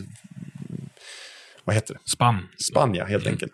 Och då när man prickar in pojkar så prickar man in det med blått och flickors med rött. Och det kan man tycka, det är väl skitsamma. Men jag tänker, men det behöver inte vara så. Varför måste det vara så? Det hade kunnat vara tvärtom, eller det kunde vara en färg för båda. Och jag tycker ju att jag, jag menar på BB, när, när, jag vet inte hur det var när ni fick barn, men där är det ju liksom, eh, föder man en flicka så sätts det upp en rosa lapp på, på tavlan över vil- vilka barn som har fötts idag. Föder man en pojke så sätts det upp en blå lapp. När eh, personalen kommer ut med fika till de nyblivna föräldrarna, minns du? Ja, men ja, nu har jag, jag har två tjejer så jag vet inte vad det det var rosa. Du Fikat. Fick, ni fick rosa servetter. Ja, okej. Jag vet, jag lovar. Hade ni fått pojkar hade ni fått blå servetter. Så var det förr. Ja, det kanske ändras nu.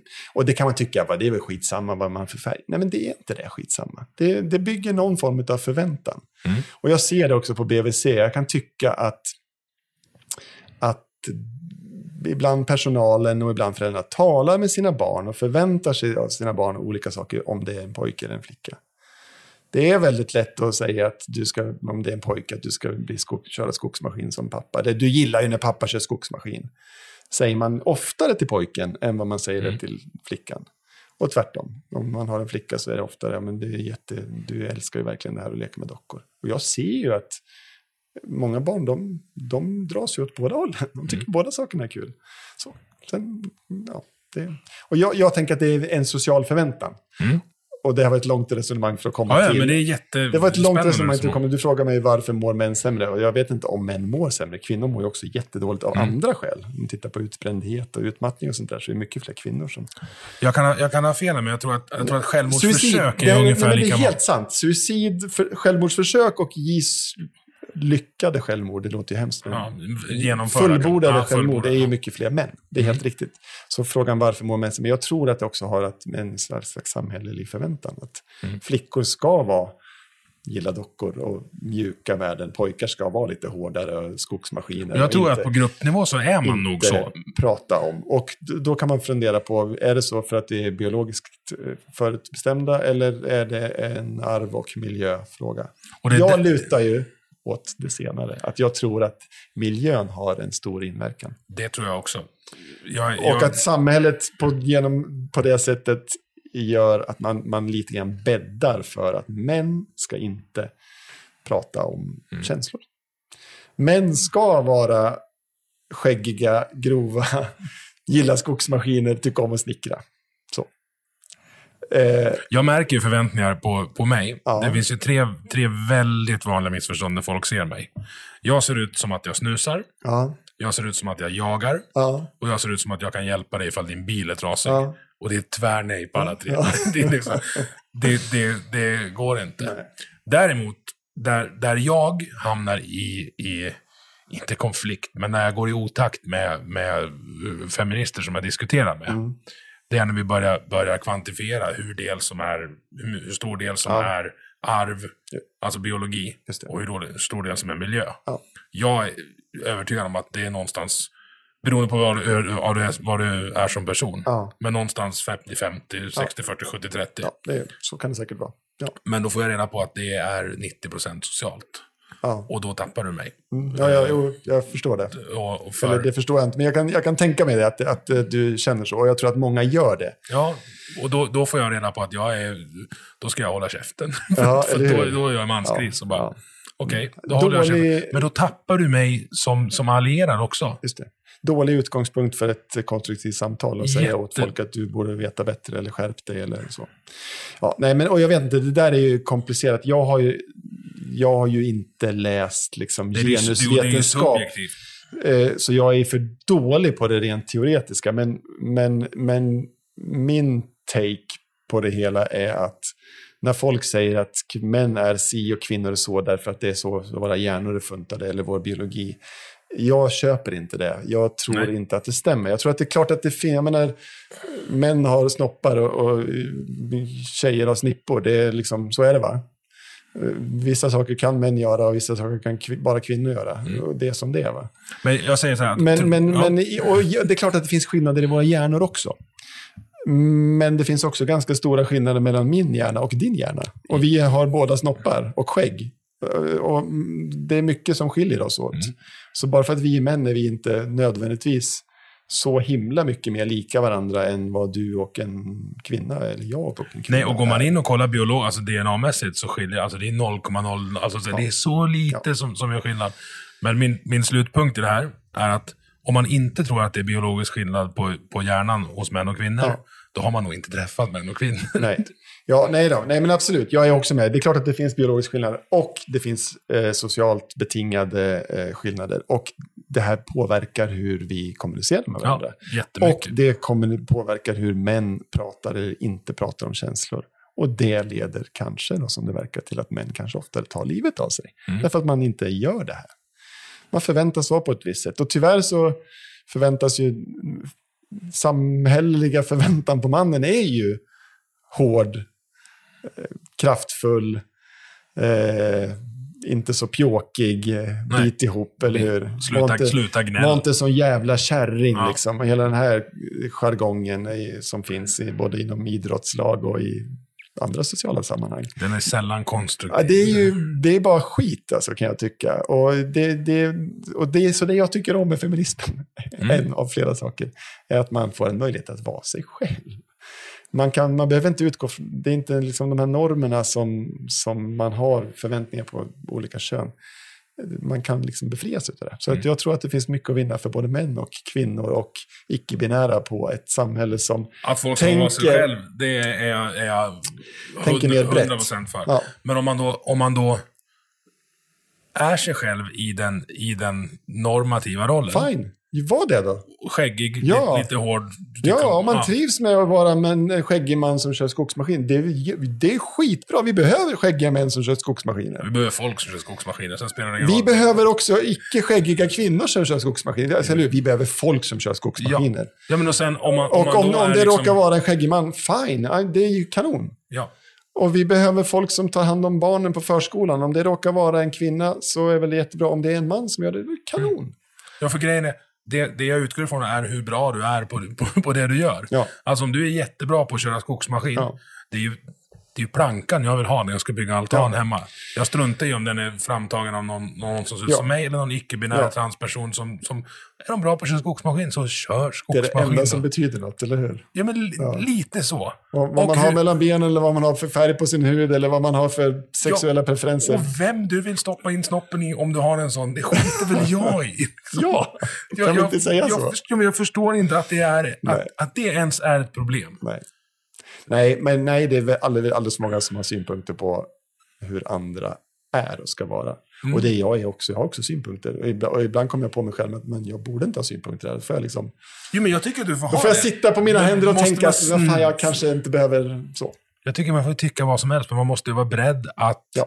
precis som vi ska göra här, alltså utveckla resonemanget. Du får vara beredd på att få en motfråga. Yes. Yes. Ja, men jag tycker, jag tycker vi ska skjuta de här. Ja. varför? Ja. Och vad tror du det resonemanget Ja. leder till? Just det. För, för, för, varför blir ditt liv bättre av att, av att vi skjuter någon som, Nej. som är kär i en annan, en tjej som är kär i en annan tjej? Jag vet inte, alltså det, det känns så jävla korkat. Det är, så, det är så långt ifrån där, Ja. där jag är. Ja. Men jag, vill, jag blir ändå lite nyfiken på att veta, hur har du kommit fram till, till din, din inställning? Vet du, ja men faktiskt, man blir nyfiken. Eller? Ja. Ibland vill man prata med folk som man känner att jag har ingenting gemensamt med de här ideologiskt. jag skulle vilja få hit en nazist att prata med. Ja, ja, precis. Det hade varit så jävla spännande. Ja.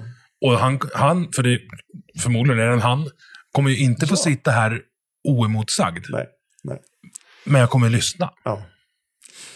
Verkligen. Vet du, ja precis. Ja, vi kan prata om det sen faktiskt. Men, eller ska jag ta det nu kanske? Du får köra nu. Ja, för några år sedan så var ju nazisterna just eh, och demonstrerade i, i, Falun där jag bor Mm. på första maj.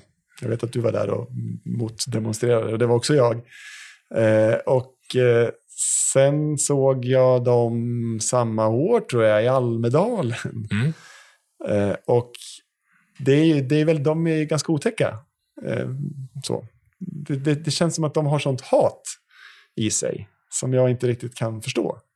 Det man kan vara missnöjd med saker och ting Mm. och tycka att saker och ting är skit eller man vill ha en omförändring av samhället. Men de är fyllda med sånt hat. Mm. Jag tycker det är svårt att begripa mig på. Men i alla fall, när jag såg dem i Almedalen så sa jag till, till min dotter, så jag, men man, vi, vi var där hela familjen och, och hon var väl kanske 12 eller sånt där då. Och då sa jag, man blir nyfiken på, man skulle nästan vilja gå fram och prata med en av dem och höra hur de tänker. Mm. För jag är faktiskt nyfiken på hur hamnar man i, i detta sinnestillstånd? Där man inte bara är missnöjd utan ser så förbannad ut, så jävla hatisk och vill liksom nästan vill, alltså vill skada folk.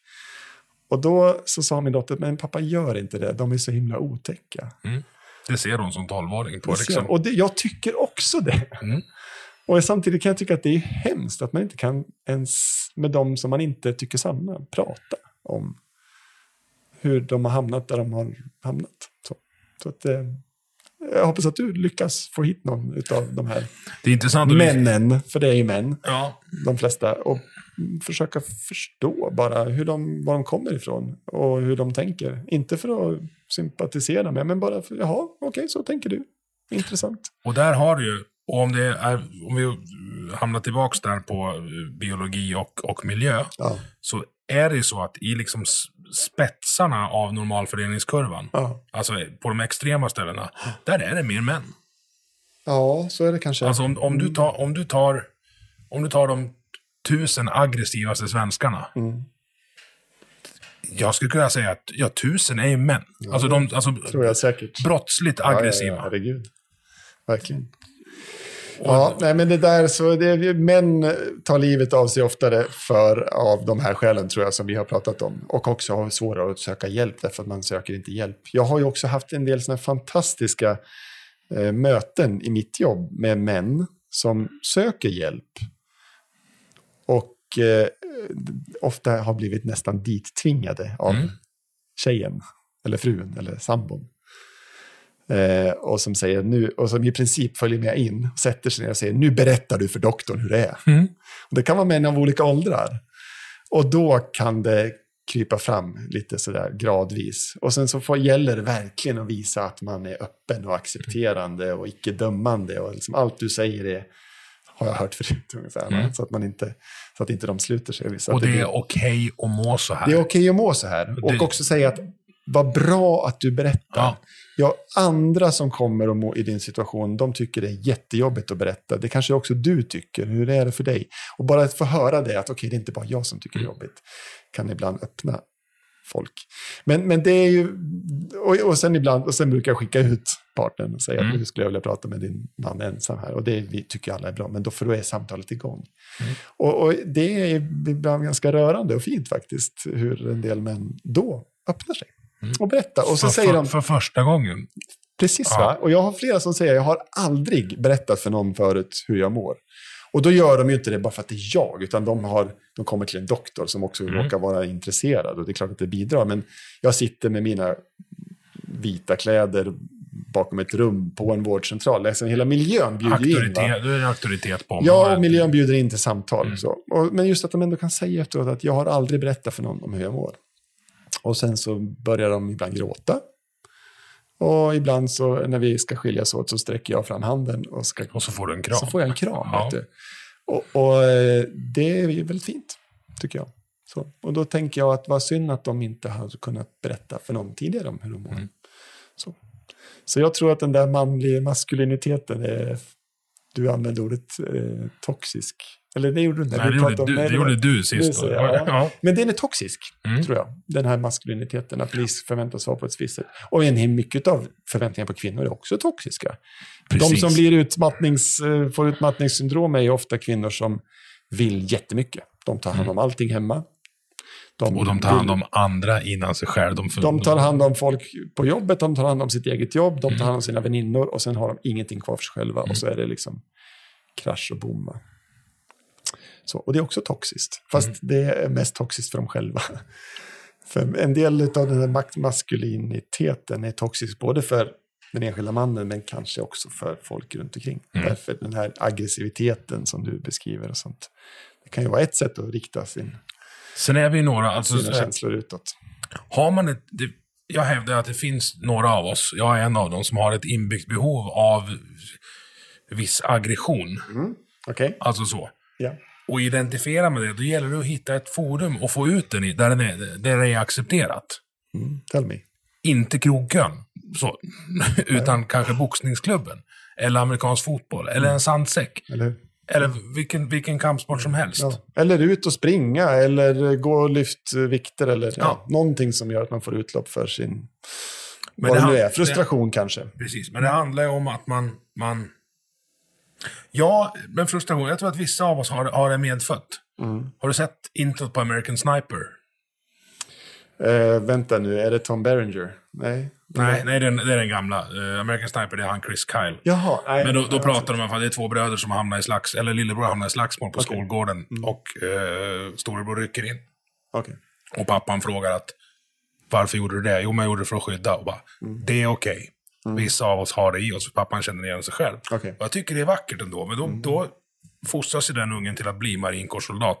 Där du har liksom nytta av och lär dig kontrollera din aggressivitet. Just det, just det. Så om man känner att man har inbyggda behov av, av men säg, alltså fysiskt våld. Ja. Alltså så, kampsituationer, du kan kalla Ja. det kampsituationer. Gå och träna Gå och boxning. träna boxning. Ja. Ja, eller hur? Va? Så, och det är ju inte alla som har den, tänker jag, som har den eh, känslomässiga förståelsen för sig själva. Men Jag, har hade den här inte- inbyggda Ja. aggressionen, eller jag har det här behovet av att få utlopp för min frustration. Mm. Och ja, det måste därför börja träna boxning. Det är kanske inte alla som Nej. ens förmår göra den kopplingen, av olika skäl. Nej, det kan ju, det kan ju vara... Så jag, jag tror mycket på, på så här, eh, darwinism. Att hade... Jag har ju min ADHD. Hade den, hade den bara varit en nackdel så hade vi darwiniserat bort oss Mm. Just det, redan. just det, Även just om vi är ganska bra på att darwinisera bort oss. Ja. Det och likadant den här beskyddar-instinkten eh, instinkten då. Mm. Alltså, eh, de kallar dem för, för sheepdog.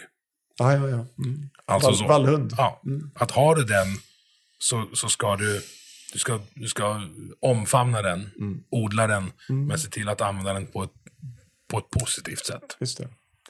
Ja, det är jättesvårt va? Svårt att vara människa. Jag tänker, Ja, ja, men det är i, Var det inte oraklet i Delphi, den gamla grekiska eh, historien som sa, känn dig själv. Mm. Hur gör man det liksom? Men man men- får väl öva på att känna sig själv och det är, det är inte lätt alltså. Nej, men det gör du ju oftast genom att bort, gå bort dig, så att du vet var din gräns går. Jaha, det här gick inte så bra, det var klantigt, så ska jag inte göra så nästa gång. Och det är Precis. så, så får man ja. Ja, nej, det finns olika sätt att känna sig själv, men det, det handlar om det och det är inte så lätt alla gånger. Nej. Ja, det är en sak som jag också brukar vilja förmedla till mina patienter. Jag brukar inte använda de orden, men det är inte lätt att vara människa. Eller Nej. det är också en del av att vara människa. Så det, man får liksom försöka säga det också. Men jag använder ju inte riktigt de orden, men på något sätt försöka förmedla att, att den situation du befinner dig i, det låter verkligen tufft för dig. Och, och så här är det för många människor, att det är svårt att få ihop alltihopa. Och vad tänker du om det? Och hur skulle du vilja ha det? Man får inte grotta ner sig i allt som är skit, utan man får också försöka bli, lyfta blicken. Hur skulle du vilja ha det istället? Och vad jag, kan jag göra, eller vad kan vi här på vårdcentralen, eller vad kan vi primär och sekundärvården En teori- göra för att hjälpa dig att nå dit? En teori jag läste är att man behöver liksom ha tre, helst fyra ben att stå på. För, då, för en, en tvåbent pall ramlar ju ganska lätt. Just det, liksom. ja, men det är en bra. trebent står bra. Det Och en då, bra det ska då vara alltså, familj, ekonomi och jobb. Ja. Alltså får du, får, har du, har du Ja. koll på de tre det. Så har du en pall att lägga saker på. Ja, Och gärna en, ett fjärde ben också. Ja. I mitt fall då, om det går bra eller dåligt i hockeyn. Så Naturligtvis. det påverkar mitt allmäntillstånd. Ständigt hockey. Ständigt denna ja, hockey. Eh, Men de andra tre är okej nu. Mm. Hockeyn går ju sådär. Men, men, men de, de, an, de andra tre finns, vilket gör att min pall står där. Men de gångerna i livet när jag inte har...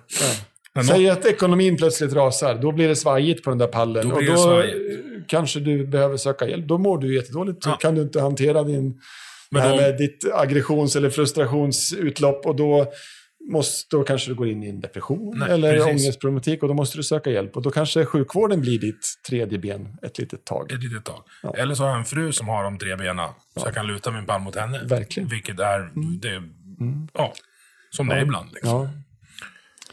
Ja. ja, intressant. Vi, prat, alltså vi har kommit igenom ganska mycket av det vi ska, vi ska prata om, Ja. men vi ska gå in på eh, från, steget från suicidprevention, alltså att hjälpa folk som mår dåligt, Ja. till ett av dina andra yrkesmässiga ben. ja. Motiverande samtal är väl inte jättelångt? Nej, är det det? verkligen inte. Nej. Och det här vet jag att det är någonting du, du verkligen brinner för. Och Ja. jag vet inte riktigt vad det är, så du får börja med att... Och, det, det kallas för motiverande samtal, men det förkortas MI. Ja, just det. Bara det. Det är ju jättekonstigt. Ja. Det borde heta MS. Och det finns ju saker som Det heter finns ju en det. sjukdom som heter Ja. ja. Jo, ja, precis. Jo, det, du, vi pratar om mitt jobb för. Jag jobbar ju alltså som distriktsläkare halvtid. Mm. Tre dagar i veckan är jag på vårdcentralen. Och två dagar i veckan jobbar jag eh, också på Region Dalarna med MI. Då. Motivational Interviewing Ja. heter det på engelska. Motiverande samtal på svenska, men vi säger MI. Mm. Så det betyder motiverande samtal. Det jobbar jag med två dagar i veckan i Region Dalarna som utbildare. Alltså jag utbildar hälso och sjukvårdspersonal i den här metoden. Jag ska förklara kort vad den går ut på. Och sen så jobbar jag, har också en grupp av andra sjukvårdspersonal som också är utbildade som jag samordnar. Så jag ser till att de är uppdaterade på det senaste, att de har rätt pedagogiska förutsättningar och att vi planerar vår kursverksamhet. Och sånt där. Så jag jobbar två dagar i veckan med, med utbildningsfrågor kan man säga. Lite fascinerande. Du läser 12 år till att bli läkare. Ja. Och när du blir det så var det så här, Jag tror jag behöver någonting mer. eller hur? Så knäppt. Ja. Ja, är beundransvärt. Ja, nej, men vet du, jag tror att det ligger ju så, det här ligger ju precis, allt som vi har pratat om hittills som har berört det här med samtalet, alla exempel som jag har liksom tagit från tänkta patientsituationer, det är ju liksom, när jag berättar om hur jag pratar och hur man lyssnar, det är som vårt samtal också, det är ju liksom MI som det handlar om. Det handlar om bemötande och att vara med någon. MI is a way of being with someone, säger vi. Alltså Mm. MI är ett sätt att vara tillsammans med någon. Det kan vara med patienter eller med arbetskamrater eller med den som man blir intervjuad av i en podd. Så, så det handlar om bemötandefrågor helt enkelt och samtal. Så att man kan tycka att ja, det är konstigt, varför skulle du hålla på med det här nu när du väl har blivit specialistläkare i allmänmedicin? Men det ingår ju liksom. Det gör ditt, Så ditt mitt- det dagliga gör mitt- jobb lättare. Det gör mitt jobb jättemycket lättare. Nya verktyg. Så de här personerna som öppnar sig och berättar om jättejobbiga saker som de inte har berättat om för någon annan tidigare. Det kan ju dels vara situationen som jag sa, att de sitter på mitt rum. Men det kan också vara att jag kanske ställer frågan på ett sätt som gör att de känner sig eh, inbjudna och accepterade och sånt där. Och mycket av det hämtar jag från MI då. Så. Och vad är det då? Ja, den, den korta hiss, hisspitchen. Utbild... Nej, det här är ingen Nej, hiss. nej, ja, det här är ju podd. Vi kan prata en timme till, det är lugnt. Men du kan få hisspitchen Ja. först. Ja. Motiverande samtal är en samarbetande samtalsstil för att eh, lyfta fram och stärka en individs egen motivation och åtagande till en förändring. Mm. Hängde du med? Japp, Ja. Det vill säga, om jag får använda dig som exempel då. kör hårt. Säg att du, att du eh, röker. Eh, och så pratar du med mig om det. Och så får jag en känsla i vårt samtal av att du nog skulle vilja sluta röka. Då handlar motiverande samtal om att jag ska försöka hjälpa dig att få fatt i den där känslan och kanske få den att bli lite mer konkret. Mm. Och kanske också lite starkare. Mm. Det vill säga att jag ska hitta din motivation, jag ska hjälpa till dig att öka den motivationen för den här förändringen och till och med kanske så att du inte bara känner motivation utan gör ett åtagande. Det vill säga att du säger att du mot slutet, i den bästa av världar, i slutet av vårt samtal säger ja, jag vill verkligen sluta röka och nu ska jag gå till apoteket och köpa nikotinplåster. Det är ett åtagande, eller hur?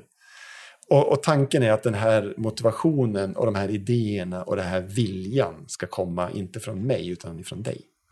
Så. Och, och, och att vi gör det här i ett, i ett samarbete. Det, det var liksom förtydligande av den där lilla hisspitchen. Då.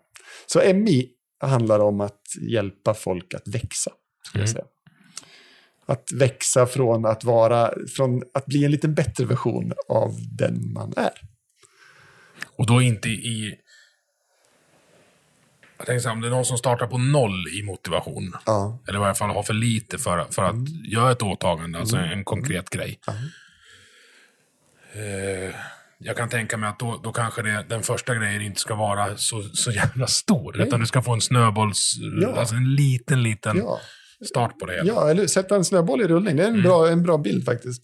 En annan eh, metafor är ju att kanske att, att du och jag i det här samtalet lyckas så ett frö i dig. Det är också en metafor. Ett frö som kanske kan gro och sen efter ett tag så växer det till en blomma. Och sen när du tittar på den där blomman så tänker du, åh, det är så jag vill att det ska vara. Jag ser blomman är en rökfri version av mig själv. Den vill jag ha. Så, så att, eh, så du som säger, om det är någon som börjar på en väldigt låg nivå av motivation eller, eller som kanske vill väldigt mycket men säger att jag tror inte att jag kan. Så kan det också vara, eller hur? Jag vill sluta röka, men det kommer aldrig att gå. Då kanske vårt jobb tillsammans blir att försöka få dig att se att ja, men, ja, det kommer att bli tufft, men det finns ändå vissa saker som talar för att du kan lyckas. Du har gjort andra ändringar tidigare i ditt liv som du kan ha nytta av. Så, så mitt jobb som samtalsledare eller behandlare i ett sånt samtal blir att försöka hjälpa dig att se de här inneboende motivationskrafterna som du har. Och kanske inneboende förmågorna och din önskan. Du önskar att jag vill bli rökfri därför att jag vill inte att mina barn ska tycka att jag är en dålig pappa som röker. Det är många, många vuxna har den drivkraften. Mm. Man slutar med ett negativt beteende därför att man vill vara en god förebild för sina barn.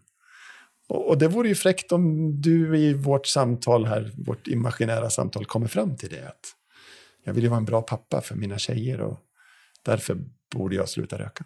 Men det handlar om att patienten ska komma på det själv. Är det det? Yes. Du kan, att- du kan inte säga efter 30 sekunder att "Hör du, tänk på att du ska vara en bra förebild. Nej. Sluta röka. Nej, nej, nej det, i, i den här metoden ingår att jag ska inte säga åt dig vad du ska göra. Du ska säga åt dig vad jag ska göra. Men jag har liksom lite olika strategier och verktyg för att locka fram ur dig det här. Sen kan jag ju också, jag kan ju ge dig tips och råd.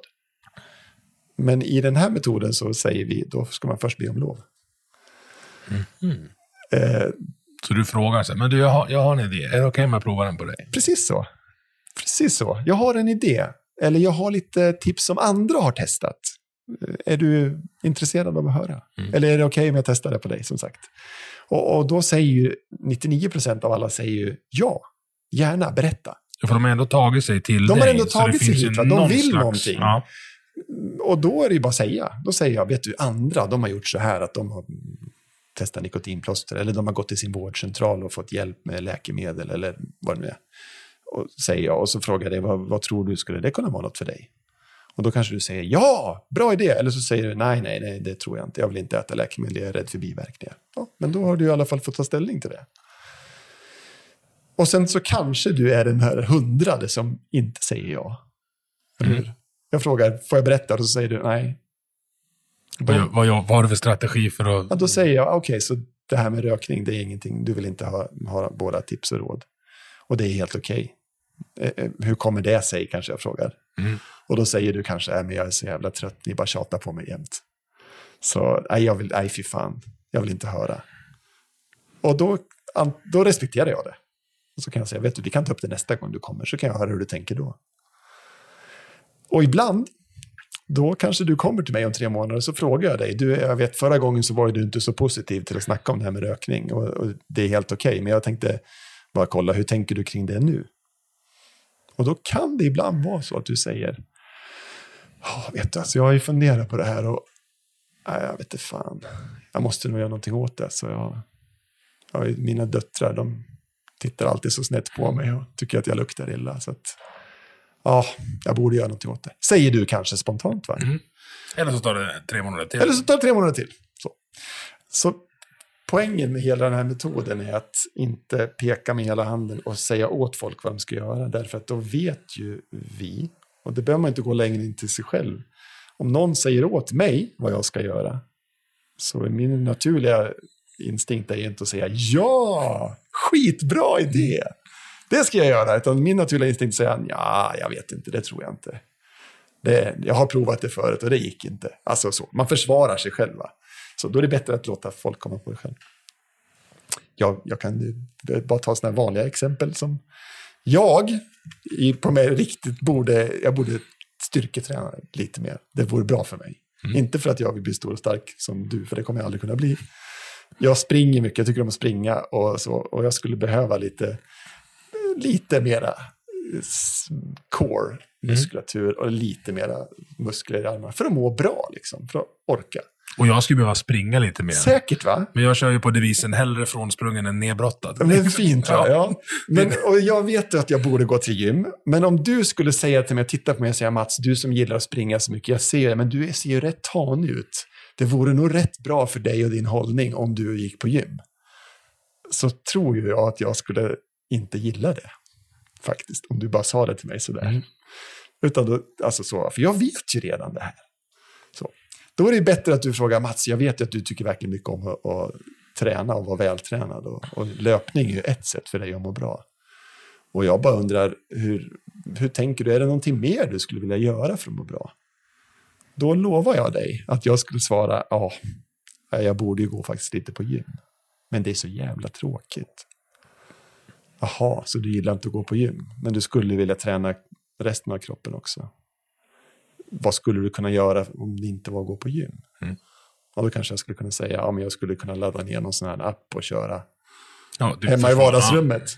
Så, då kommer mina idéer från mig själv. Det ökar chansen att jag gör det. Mm. Och det finns också forskning, eh, ganska solid evidens i det här MI, där att det som patienten eller individen hör sig själv säga om den här möjliga förändringen är mycket större sannolikhet, sannolikhet att de sen gör. Mm. Så om jag säger åt dig, sluta rök, så är det inte så troligt att du gör det. Du, det en del gör ju det. Motivation funkar. Jag hotar dig. Och skrämd, alltså de här... Ja, om du inte slutar röka så får du en hjärtinfarkt och dör. Men jag som aldrig har rökt hela mitt liv, Ja. jag mår ju dåligt när jag ser de här jävla cigarettpaketen de har nu. Men, ja, just det. Fruktansvärt De otäcka. ja. ja. men så här, någon, så här, någon som har rökt Ja. två paket Prince om dagen och så har de obducerat lungorna. Men det tycks ju inte Äh, funka nej, det är klart det inte inte så- funkar. Det är- Så, så det är min, det är därav min poäng var att motivation, att, Mm. att hota folk och skrämma folk till förändring, ja det funkar för några stycken, men det, gör, det inte funkar inte för de flesta, utan då är motivation bättre. Mm. Som kommer inifrån.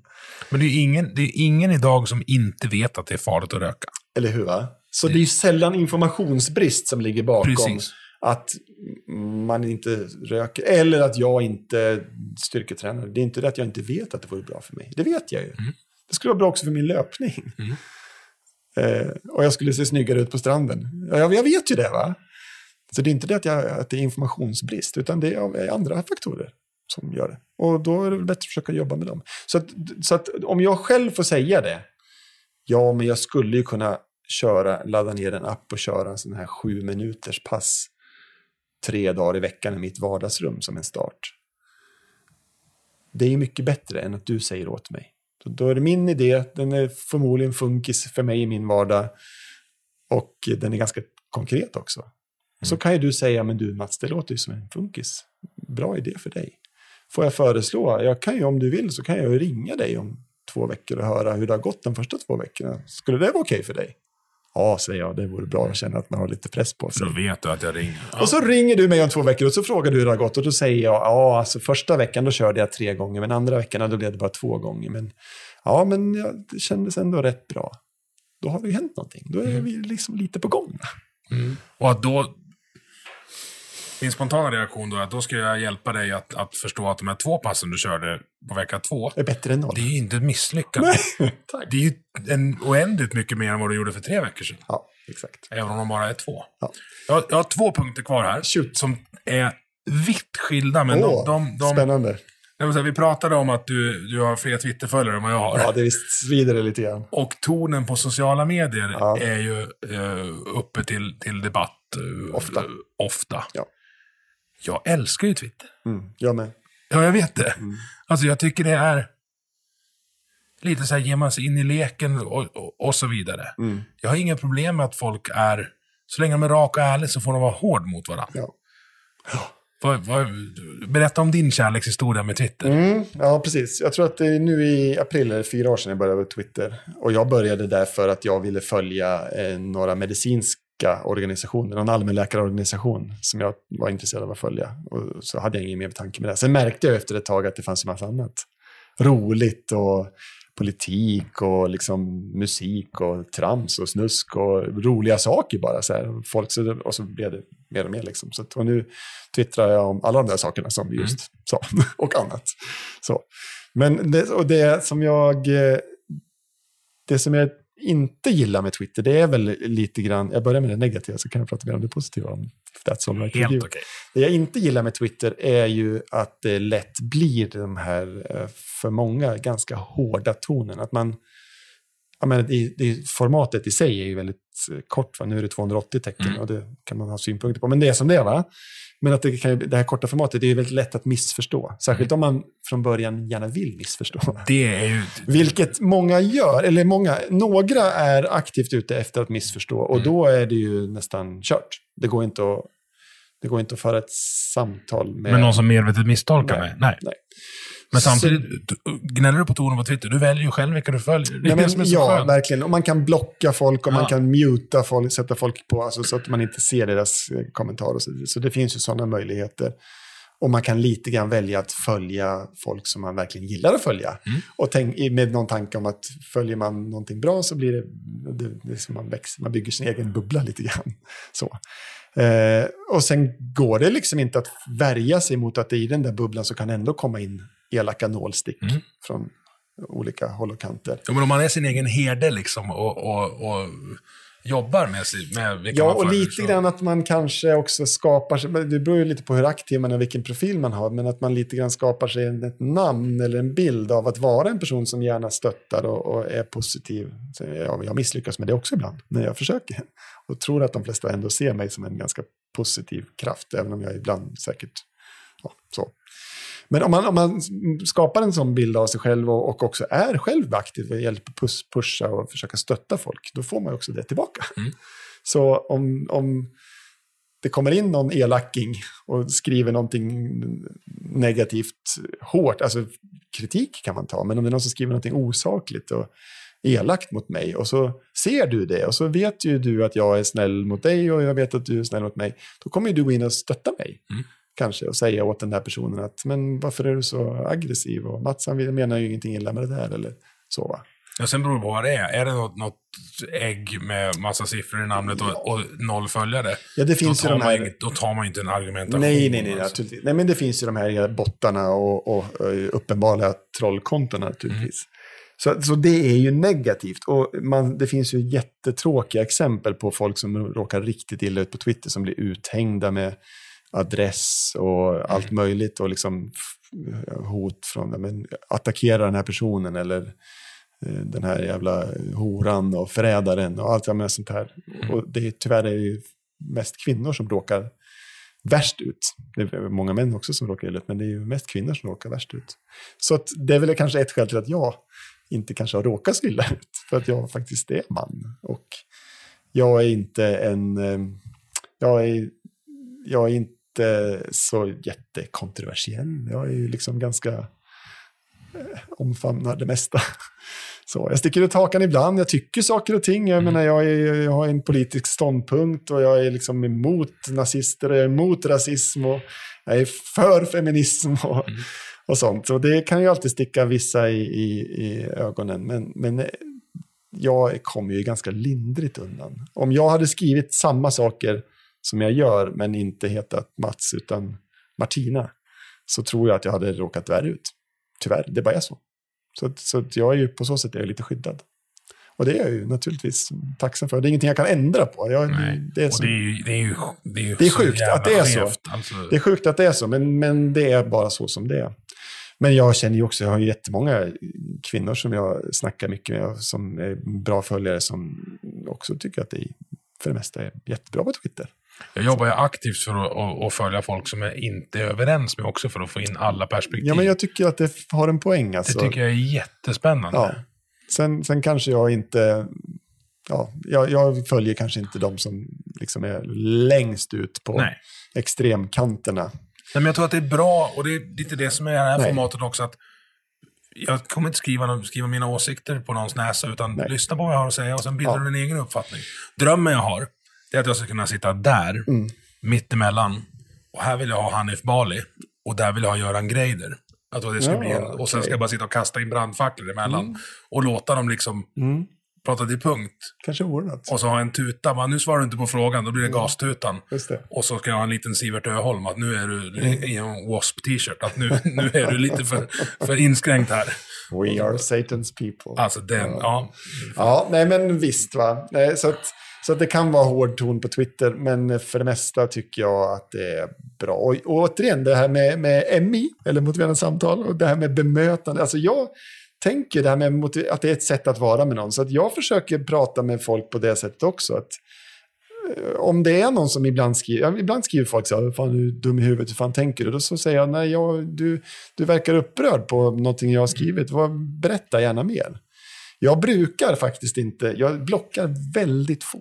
Mm, samma här. Bara, alltså, Jag blockar såna här Uppenbara trollkonton och hot. Då, trollkonton och hot och såna här, ja men de här, eh, vad heter det, porrbottarna som var för ett par år Ja. sedan. De blåhåriga porrbottarna, det var ju liksom, ja, det, sånt blockar jag va? Mm. Därför att det är uppenbarligen inte riktiga konton. Men jag blockar väldigt, väldigt sällan. Eh, utan, utan snarare går in och frågar, hur tänker du? Eh, det, och, och om de då, påfallande ofta, så när folk är så superaggressiva och jag bara säger så här, du verkar upprörd, berätta, vad, vad, vad är det som, som stör dig? Så sjunker aggressionsnivån lite grann, har jag, tycker jag mig ha märkt. Ja, för då visar Och- du att det är en människa på andra sidan Ja, skärmen också. och ibland så kan vi ha ett litet samtal, två, tre kommentarer till och sen inser vi att vi hänger, håller inte ihop eller vi håller, eh, är inte överens. Och då släpper jag det. Och det är okej att inte Och det är vara okej överens. att inte vara överens. Va? Sen, jag vet att, och jag är inte ute efter att övertala folk. För jag vet att det går inte- sällan att övertala folk. Men, men eh, möjligheten att möjligtvis nå in med en liten frö som kan få växa ökar ju om man faktiskt lyssnar på folk. Mm. Så. Och jag vet att det är lättare sagt än gjort. eh, Att de som får mycket skit, man orkar inte lyssna, utan då är det bara enklast, det är bara muta eller blocka. Och jag tycker att det får folk göra som de vill. Liksom. Jag gör det sällan, men jag får heller inte så himla mycket skit. Nej. Så, så det, ja, Nästa punkt. shoot. Du har träffat dem på Twitter och du kanske träffar dem på, på eh, fest någon gång. Mm, Men säg att du är på fest. ja, Det kommer fram att du är, du är läkare, distriktsläkare. mm, Och så kommer det fram en till synes trevlig människa som jag, som jag umgås med under helgen. Och sen säger men jag har ju fyra barn. Och alltså, jag tänker inte vaccinera dem. Mm. Tar du den konflikten? Eller? Nej. nej det gör jag inte. Nej, men, Varför hur, ja, men om du ska ta den konflikten. Ja, just det. Då använder jag mig av det här tankesättet Ja. igen. Då kanske jag säger, okej, så, så du... Alltså så här är det, om det är på en fest. Det Nej, vänta, du, skit i forumet. Ja. Alltså, det, du, Men om någon skulle komma fram till mig och säga, jag tänker inte vaccinera mina barn. Det första är ju, är det här en, en patient till mig? Är det här ett barn som jag träffar på BVC? Eller är det någon som bara säger det på stan? jag utgår från att det är i jobbet. Alltså hur... Ja, men ja. Då på jobbet, då säger jag så här, okej, nej, så det, det, måste det är upp till er att bestämma. Mm. Och ni tänker att vaccin, det är ingenting som ni vill ge till era barn. Nej, säger de, det vill vi inte. För att det, är- vi tror att det är bara en bluff från... Det är kvicksilver. Det är, det är skadligt och det orsakar autism och det är, Mm. det är läkemedels... Du vet, Big Pharma, konspirationsteori. Kanske de säger, det är inte helt ovanligt. Jag har läst på nätet att det är skadligt och det är bara ett sätt att tjäna pengar och hålla oss i kontroll och så. Och då kanske jag säger, okej, så du har läst en hel del på nätet och du känner dig tveksam till det här med vaccin.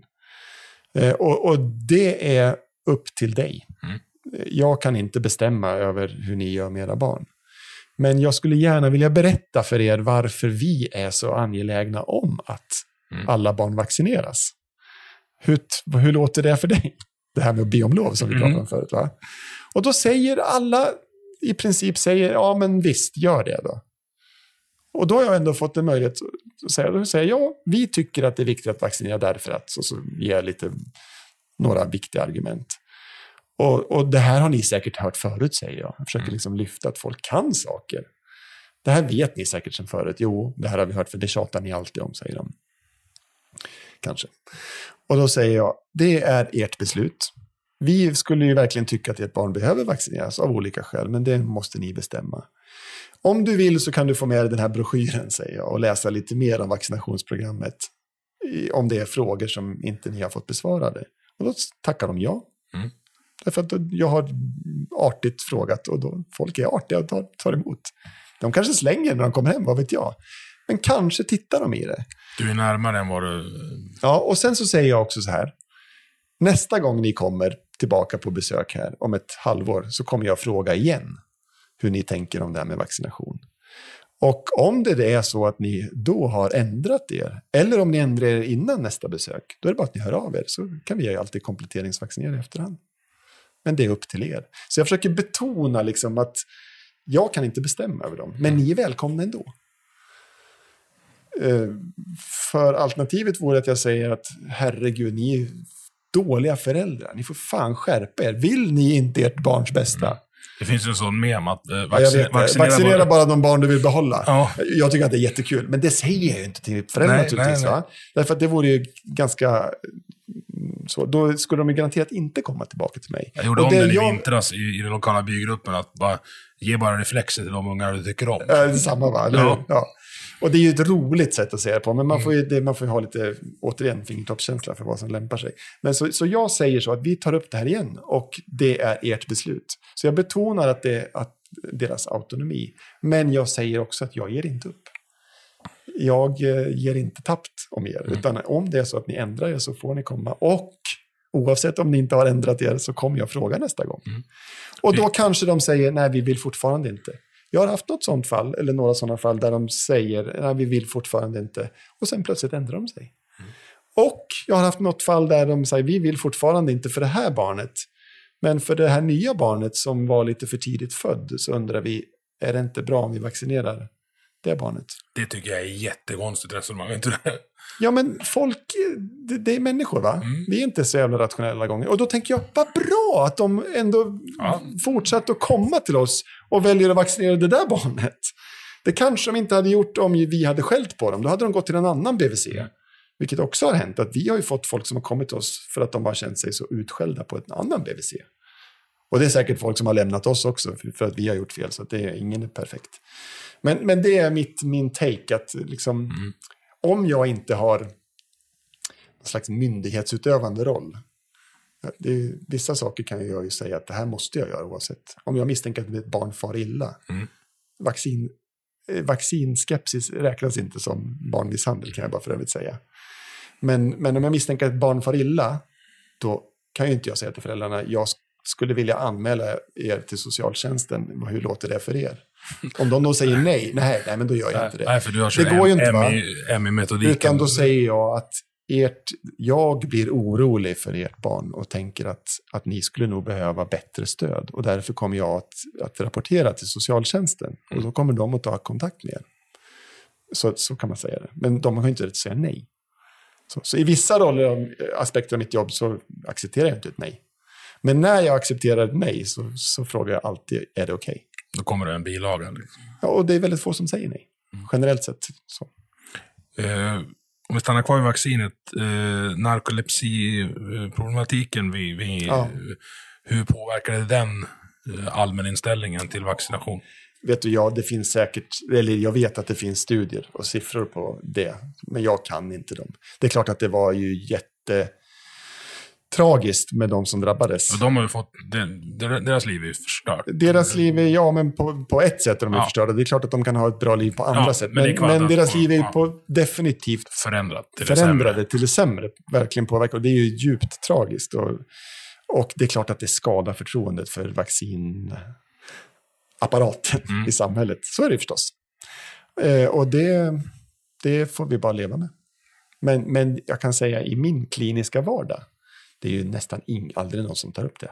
Alltså, det är ju väldigt Nej, sällan som okej. någon förälder säger, är det verkligen säkert med det här? Ja, vi vet ju hur det gick med narkolepsi vid Pandemrix. Det är ju jätteovanligt. Folk har generellt sett väldigt stor tilltro till Mm. svensk sjukvård och till det här med vaccin. När vi skulle vaccinera våra, våra eh, tjejer, jag gjorde det med första tjejen på första sprutan. Och sen när vi skulle gå in till andra med, med, med Maja då. Så bara, jag, säg inte sådär igen, sa frun. Då, när de, för de frågar ju, eller ni frågar ju, ska vi vaccinera? Så här, så här. Ja. Och man sa nej, vi, vi har gett några kodialt silver i nappflaska, brukar jag säga. Bara för att få se läkarens reaktion. Inte så bra pokerface då, utan det var ju det var nog många som sökte efter den där utskärningsgrejen. Se- Du, får, eh, får, jag, ja. får jag bara återvända till det positiva med Twitter? Nu, Ja. Vi hoppar lite grann Ja, ja, det Får jag bara säga några grejer? Jag tycker att det är ett fantastiskt forum. Alltså, vi pratar om god ton. Överlag är det god ton och framförallt det finns så otroligt mycket bra folk. Alltså. Mm. Folk säger, en del säger så här, åh, asociala medier. Jag vet, det finns några eh, profilerade personer i, i riksmedia som ibland när de pratar i radio eller skriver krönikor skriver konsekvent säger asociala medier. Mm.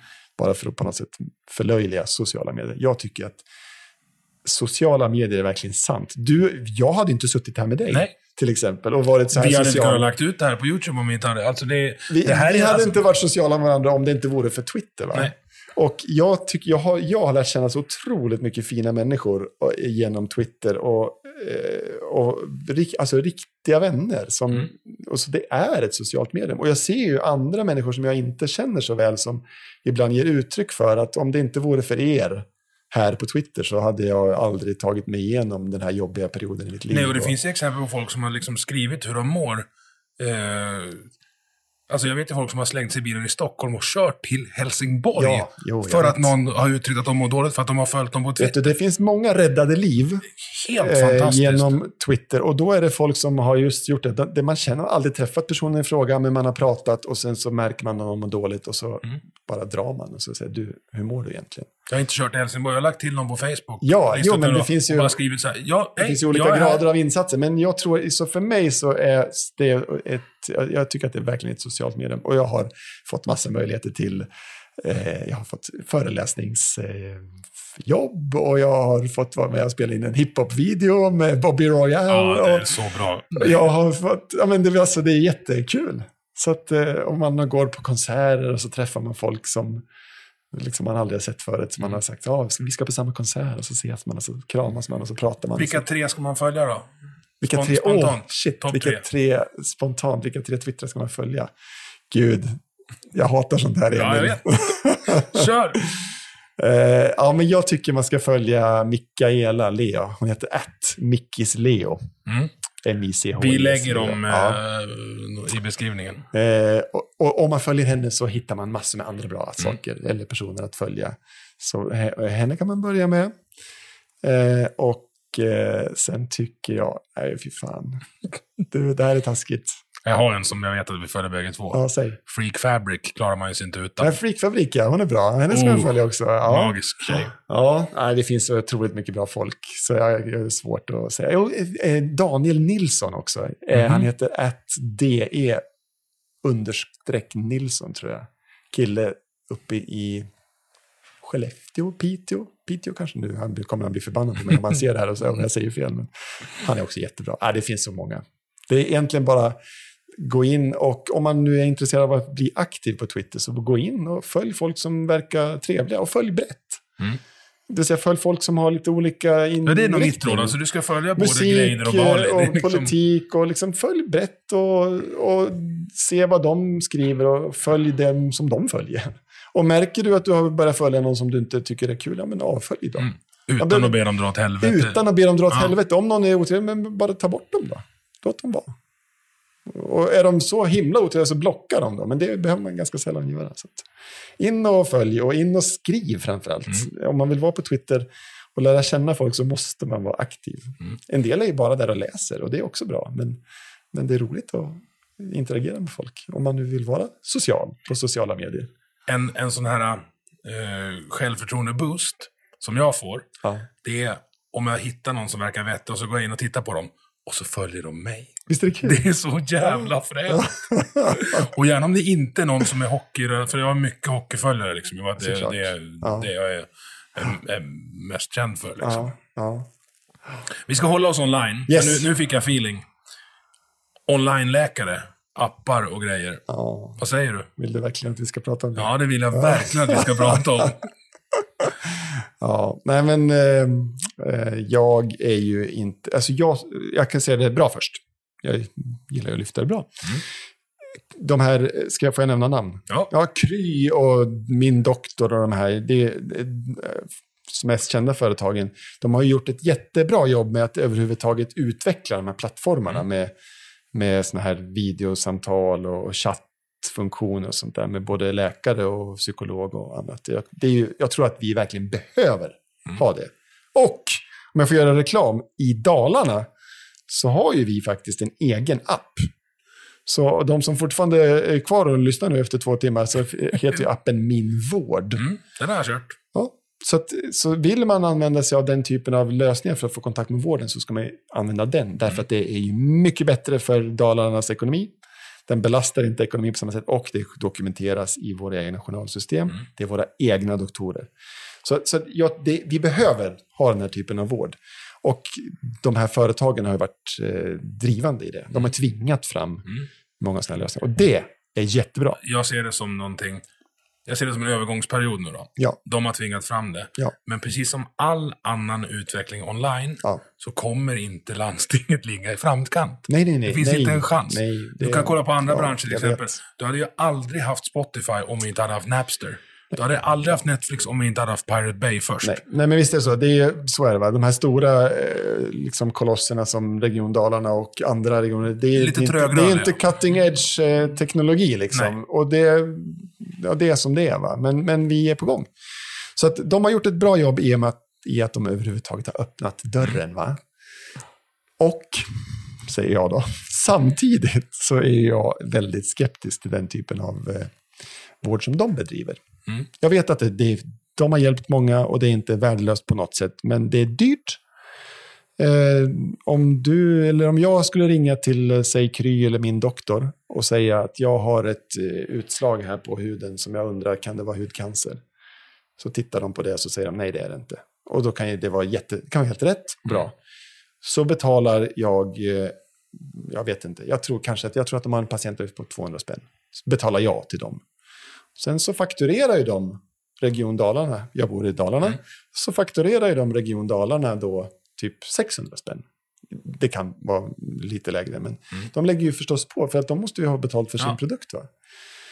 Men vad det kostar när varit att gå till vårdcentralen, sitta i, och Ja, men ta upp sköterskans tid. Tänk om jag istället, om jag nu vill göra den, ha den kontaktvägen, hade använt min vård, Mm. Dalarnas egen app, då hade det kostat, jag tror att faktiskt vi har en lägre avgift i den, jag tror att det hade kostat mig 100 spänn.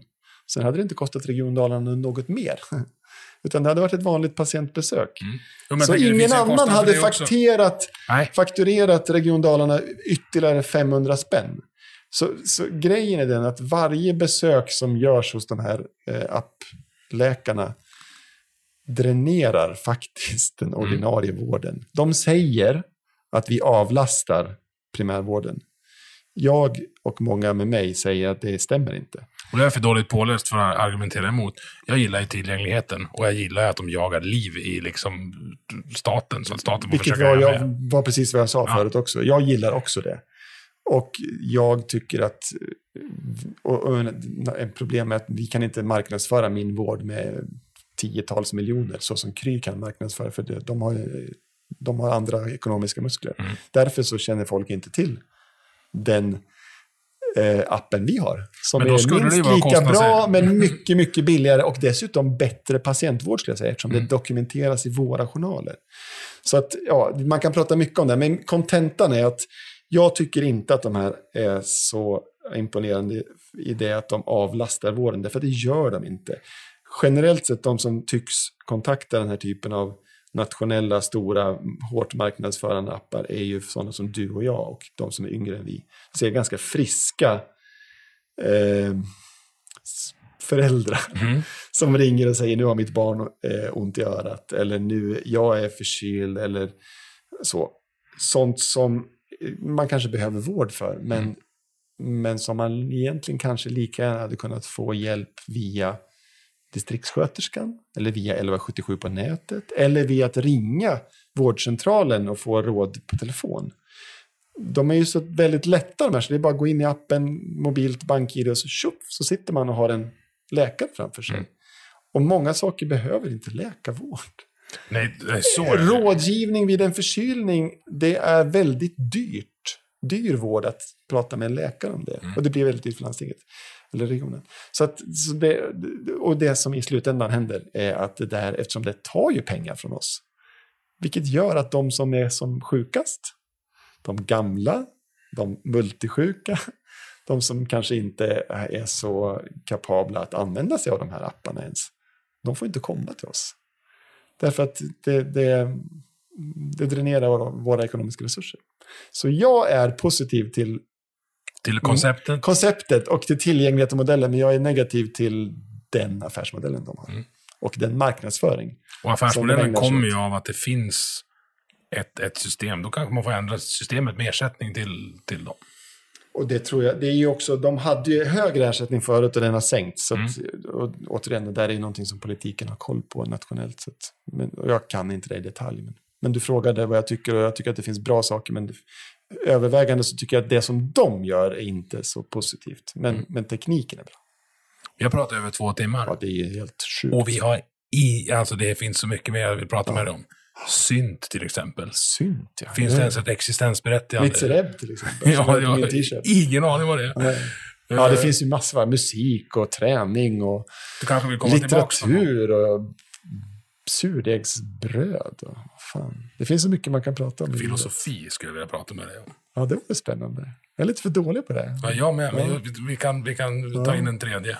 Nej, men, ja, tack för att du kom. Ja, men tack. Vilket skönt eh, samtal. Ja, det var roligt. Vem ska jag ha med här tycker du? Nu ställer du sådana frågor. Jag hade fått tänka på innan. Men äh, får jag välja vem som helst? Ja. Ja, Anna Nergård har jag redan sagt. Ja. Men, men jag väljer någon som inte har med vård att göra då. Eh, för det har vi ju pratat så mycket om. Ja, men jag tycker en person som jag gillar. Eh, ja, jag gillar ju Fredrik Strage naturligtvis. Det vet du vem det är. Mm. Ja. Ja. På, som är musikjournalist. Han är ju otroligt... Det hade varit en dröm. Han är ju Mm. jätte, jätterolig. Honom skulle du gärna ha hit. Det vore kul. Då ska jag jaga han. Jaga. Han finns på Twitter. Ja, jag med. Tack för att du kom. Tack jävel. Tack.